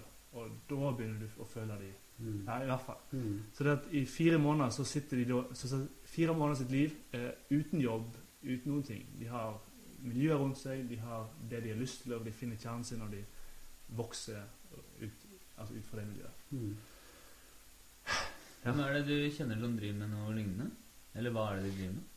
Nei, jeg kjenner Jeg kjenner jo en som driver noe som heter Gatekunstakademiet. Gatekunstakademiet. Ja, det hadde begynt i, i Oslo øst. Eh, en som var fotballtrener i Vålerenga sånn yngre. Som så at det var mange av de som eh, ikke var på skolen og alt mulig. Som egentlig aldri hadde opplevd at noen hadde interessert seg for hva som bodde i de i det hele tatt. Nei. Eh, og som tenkte at eh, det kunne han gjøre noe med. Så, han- så det de gjorde, var det de begynte med, var at de begynte å plukke opp folk som f.eks. var interessert i å jobbe med musikk. Og så fant de kjente artister som ville jobbe med det. ikke sant? For det hadde en audition, for det må føles ordentlig. Ja. Det, det er ikke sånn Jeg synger som ei kråke, men jeg får lov å være med likevel. Ja, ikke sant? Er- du må, du, må, du må finne liksom din greie. Men så, så står det plutselig en niåring og en 15-åring på scenen ved siden av uh, Madcon, ikke sant? Og vet at jeg, nå står jeg ved siden av de på scenen ikke fordi at det er greie, men fordi de faktisk De ser bort på meg og smiler og ser seg sjøl om, om ti år, ikke sant? Nettopp. Uh, og ti år, uh, fem år seinere så skjer det plutselig. Han som er 15 år, står på scenen og akkurat gitt ut sin siste skive, og så har han med seg mye igjen. Og så, og så sprer dette seg da, ikke sant, til produksjon av musikkvideoer. Plutselig folk som er dritgode på musikkvideoer, produsenter og Gunnar, hjelper ungdommene. Og så kan neste generasjon ungdommer hjelpe de under der igjen. Og så sprer det seg ut til at ja, men hva hvis mitt uttrykk er at jeg har lyst til å skrive? Ja, fader, da kobler vi på noen forfattere, og så er vi i gang med det. Og så er det Og det her, det her skjer nå? Det her er i gang? Når, eh, når. Gatekunstakademien, når er det begynte? De har, det er femte konserten nå de har i år. Okay. Det er liksom kjernen, eller Det er liksom Ja. ja. De gjør det hvert år, da. I fjor så var det de som var hyra til å ha, ha konserten på, foran, eh, foran på Universitetsplassen på tiårsjubileet til Håkonene på Mette-Marit. Det tror jeg kanskje jeg var på, faktisk. Ja. Ja, så den konserten, det var gatekunst. ja ok. Men så er, så er greia at det, de gjør jo masse, og e- e- en av greiene de jobber med, er jo inn i skoler og sånn. Mm. Så dette her begynner å bli liksom, kommet som valgfag i mange skoler i Oslo og spre seg litt rundt omkring i landet. Og, og hele fokuset er å finne din greie, da. Ja. Wow! Finne ditt uttrykk, finne din uttrykksmåte, finne hva du ønsker å uttrykke. Og det er helt altså Det er sånn jeg griner når jeg står og ser på de For det er så magisk når noen finner sitt Når noen Ja. er seg sjæl og finner Ja. sitt element, og bare Tror du det er magisk for oss å se det også? Det er når vi ser de studentene bare insane, altså. Ja, det er det råeste som fins. Ikke bare når man finner det sjæl, men å se andre gjøre det også. Ja. Bare lyser opp. Bare kommer plutselig Og så er det kunst inn i bildet nå. Det er liksom, og så har du plutselig hatt sånne utviklingsgreier med noe borti USA, da, hvor de jobba først en uke på en folkehøyskole her, hvor det kom Ja. amerikanske Ja. studenter her, og så ble de med tilbake til New York. Så har du plutselig rapper i Oslo som Jeg var med på en tur over dit, ikke sammen med disse ungdommene, men hvor vi viste fram denne herre En video av en norsk ni, en niåring, tror jeg ja.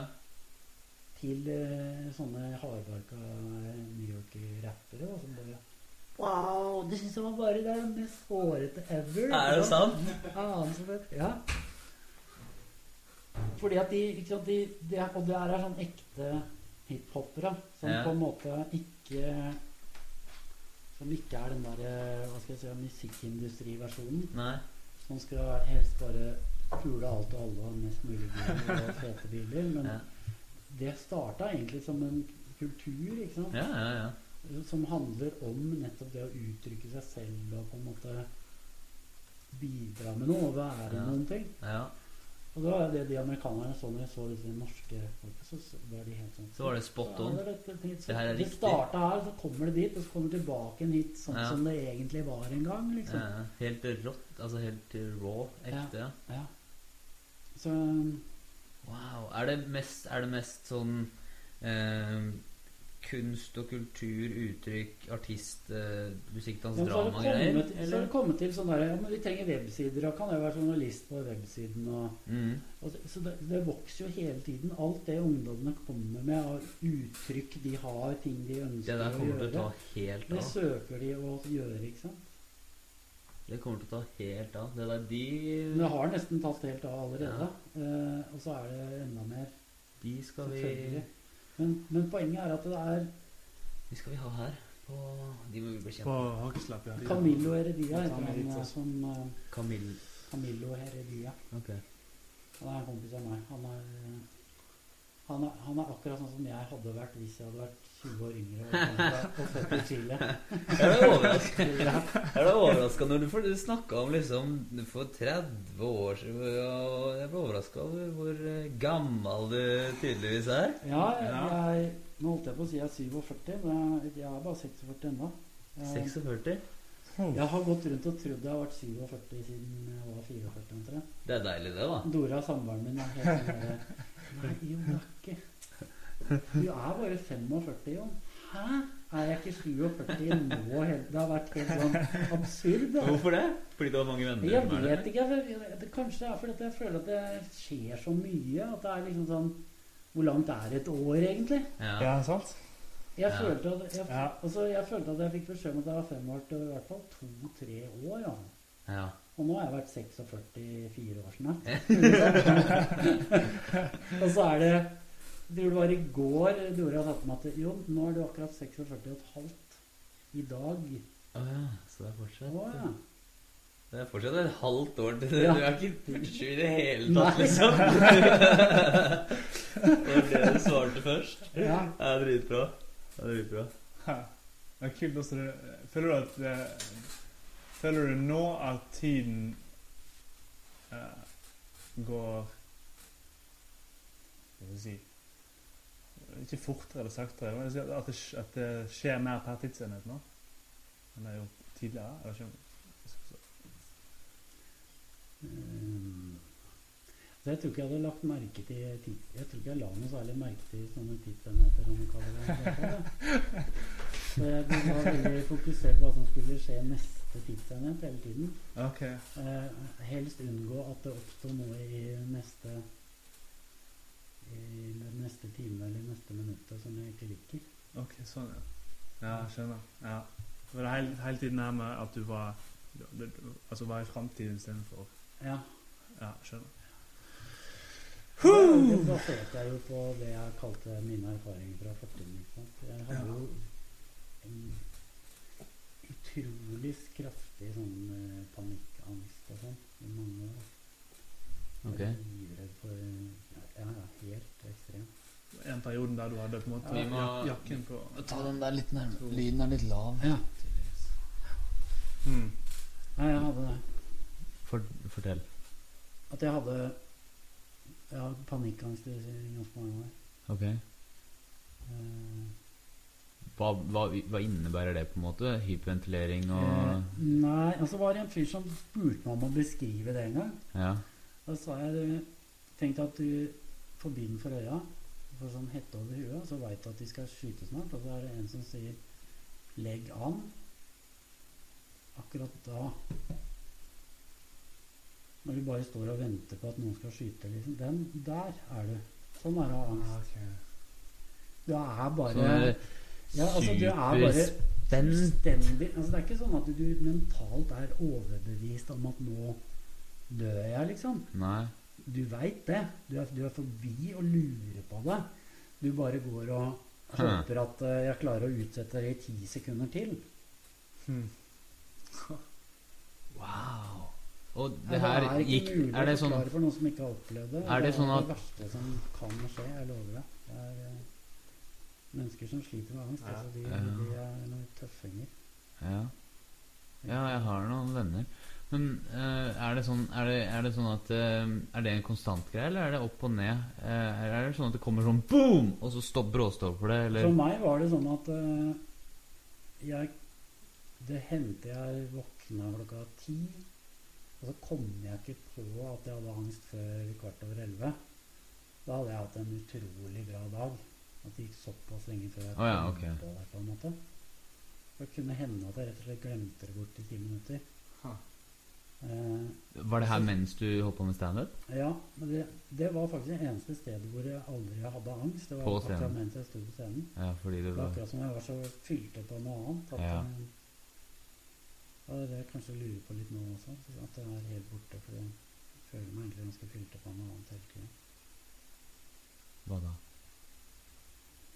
Eh, Forbi Det som er forbi Det er nesten sånn at det, det er det, er det, det jeg holdt på å svare, det var alt det andre. Ja. Ja. Eh, fordi at Hvis jeg skulle satt opp en liste til deg nå med alt jeg kan beskrive, ja. så er det alt det andre. Okay. Det er alt det som ikke står på den lista, som ikke fyller opp noen ting. Eh, det er en eller annen slags Hva sier jeg? Stedet for at hvert øyeblikk var den der følelsen som jeg beskrev i stad, så er det mer at hvert øyeblikk er den følelsen at Woho!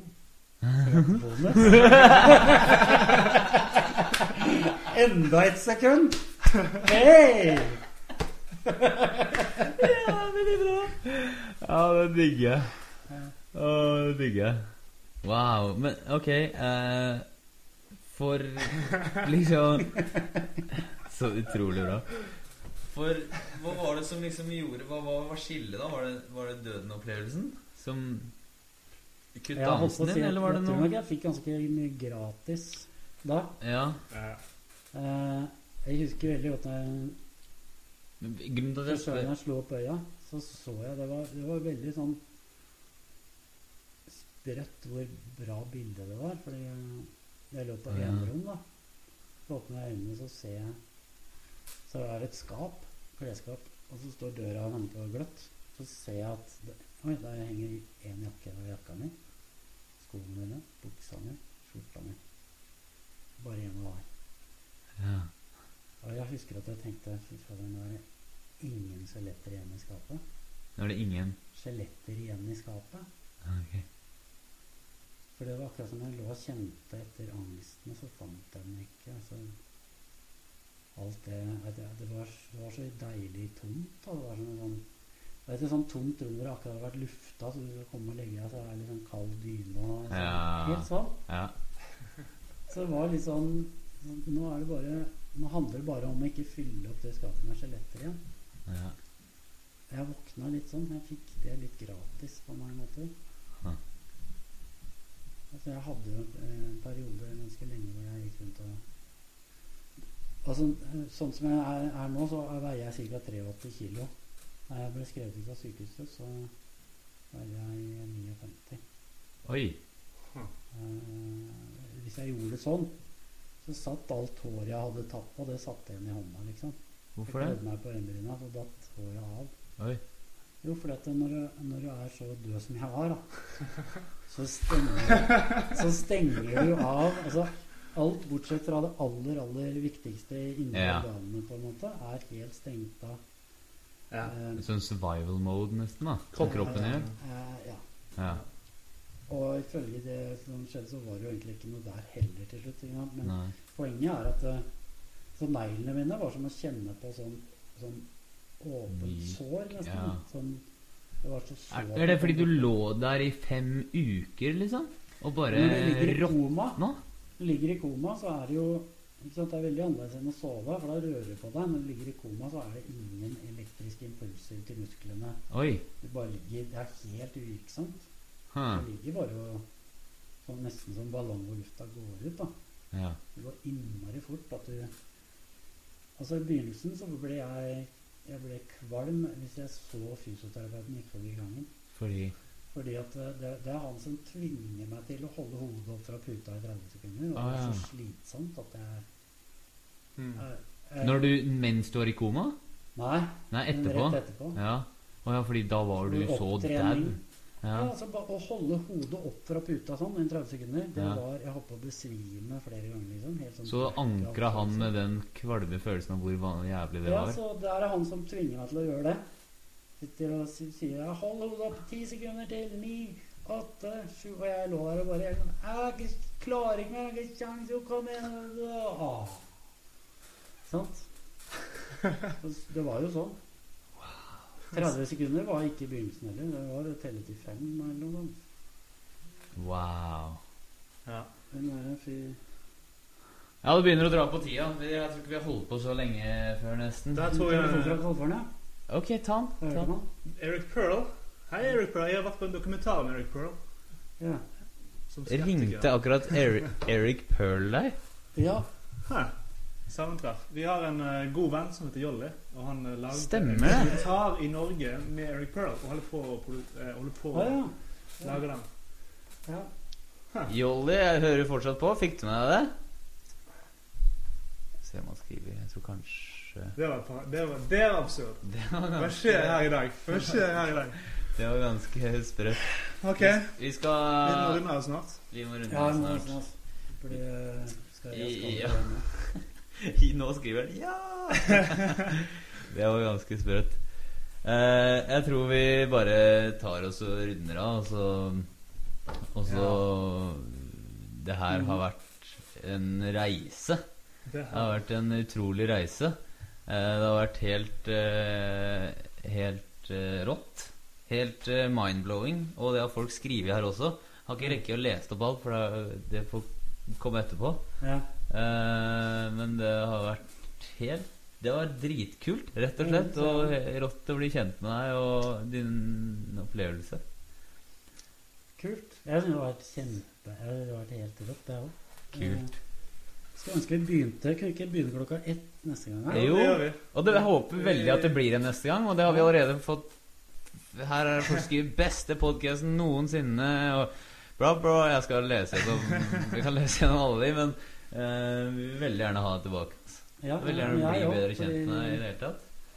For det er jo altså det er, det er, det er utrolig mye på hjertet, egentlig, som, Mm. Og eh, som ikke rekker på tre timer. Ja. det, er, det er bra setning. Det er, det er, det er ikke vanlig i gata som sier Det. Ok. Um. Folk skriver uh, 'Superbra, kom tilbake, Jon'. Uh, faren min skriver 'Har vært med siste halve timen, må høre resten. Gleder meg'. Det er gøy. det kan alle gjøre, altså. Uh, Så hyggelig. Det er kjempehyggelig. ja det er kjempehyggelig Det Men er, jeg kommer, jeg. Så det, det, det er i hvert fall ikke noe tvil om. Vi får høre mer fra, fra deg. Ja. Og eh, alle som vil se, ikke har vært med hele veien og vil se hele opptaket, vil ligge på mortenhake.com om en time ca. Ja, timer. vi burde få det ut såpass fort. Eh, og det blir også lagt ut på iTunes eh, på Hakeslapp, så du kan laste ned på iPhonen og høre på det der om og om igjen. Det skal iallfall jeg. Um, kult. Gå inn på facebook.com slash hageslap. Like, like, like. Så bli med oss videre, for det kommer flere podcaster som blir veldig interessante Mm. framover. Mm. Det hørtes så offisiell ut når jeg sa alt det der. Sånn er det. Sånn er det. Derfor er Du begynner å bli god, vet du. Det? Vi Begynner å ligge i årene. Vi har, okay. Det er folk som skriver Vi har en eh, eh, Nå til Når er det? Nå til, om en ukes tid så kommer det Vi har en sånn konferan årlig konferanse Ja. eh, som er sånn eh, selvutvikling, men datingrelatert selvutvikling, seksualitetskonferanse. På en måte, Jeg har ikke tid til å legge ut alt om den nå, men i hvert fall så om en ukes tid så kommer det da foredragsholdere fra hele verden som vi da har jobba med å få hit. da Ja. Eh, og de kommer om, Da skal vi ha flere sånne podcaster her. En som heter Steve Pavlina, som er en sånn herre eh, eh, selvutviklingsguru som skriver har meste led... Altså Det er han første som kommer opp når du søker på personal development ah, ja. I Google. Så vi er kjempegira på å ha han der. Så jeg tror eh, for folk som eh, vil få det med seg Få det med seg, som blir dritspennende, så er det bare å abonnere. Så får dere notifications. Nå glemmer jeg helt språket mitt. Jeg er så mindblown jeg, etter denne samtalen her at jeg kommer til å ikke få sove i natt. Vi får se. Det var helt rått. Du ser litt varm ut. Ja, er det. Det gjør jeg òg. Ja, det er varmt. Så så jeg er ganske varm. Ok. Ok, skal vi runde av? Vi De, jo, siste. De som, eh, de som hørte oss snakke om uh, Passion Immersion tidligere, vi har en plass igjen. Eh, Mm. Så ikke nøl med å kontakte oss hvis du har lyst til å høre mer om det. eller bli med på det. Yes, sir! Og bli med på Summiten 20, den 29. og 30. Og vi har fått i dag deal med Hotell Clarion Christiania Royal, eller hva det heter for noe. Som da dealen er 800 spenn for dobbeltrom, 600 spenn for enkeltrom.